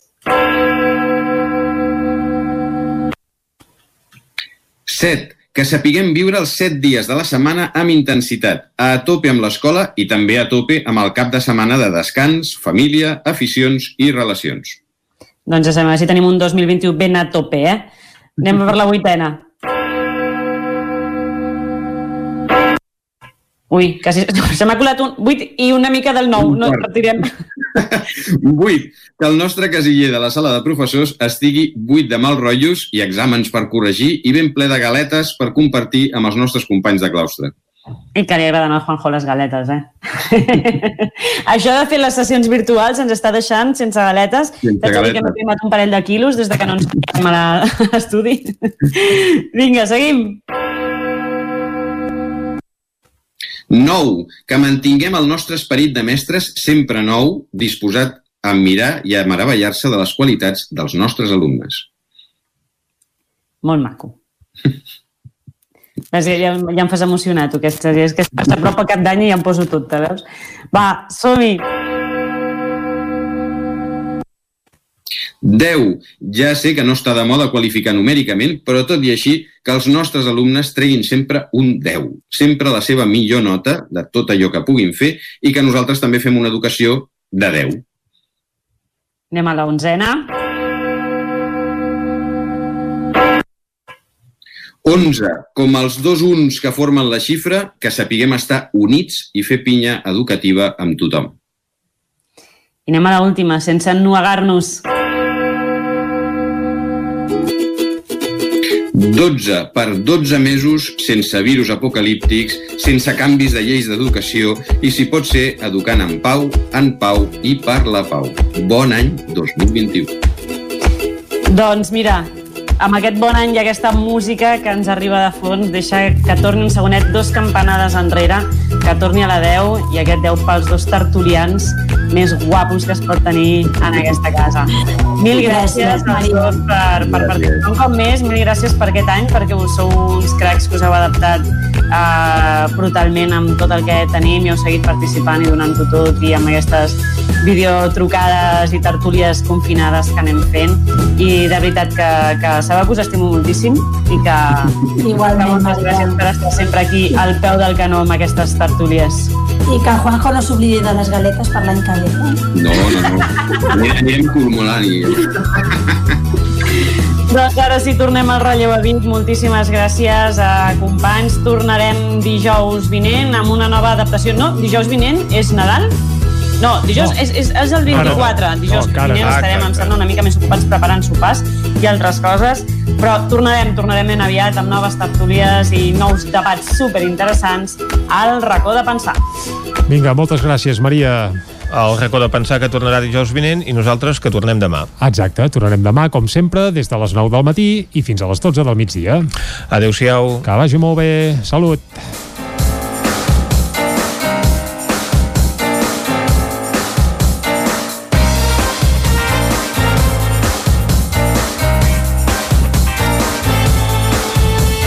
Territori 17, un magazín del nou FM. La veu de Sant Joan. Ona Codinenca I Ràdio Cardedeu amb el suport de la xarxa. El nou FM.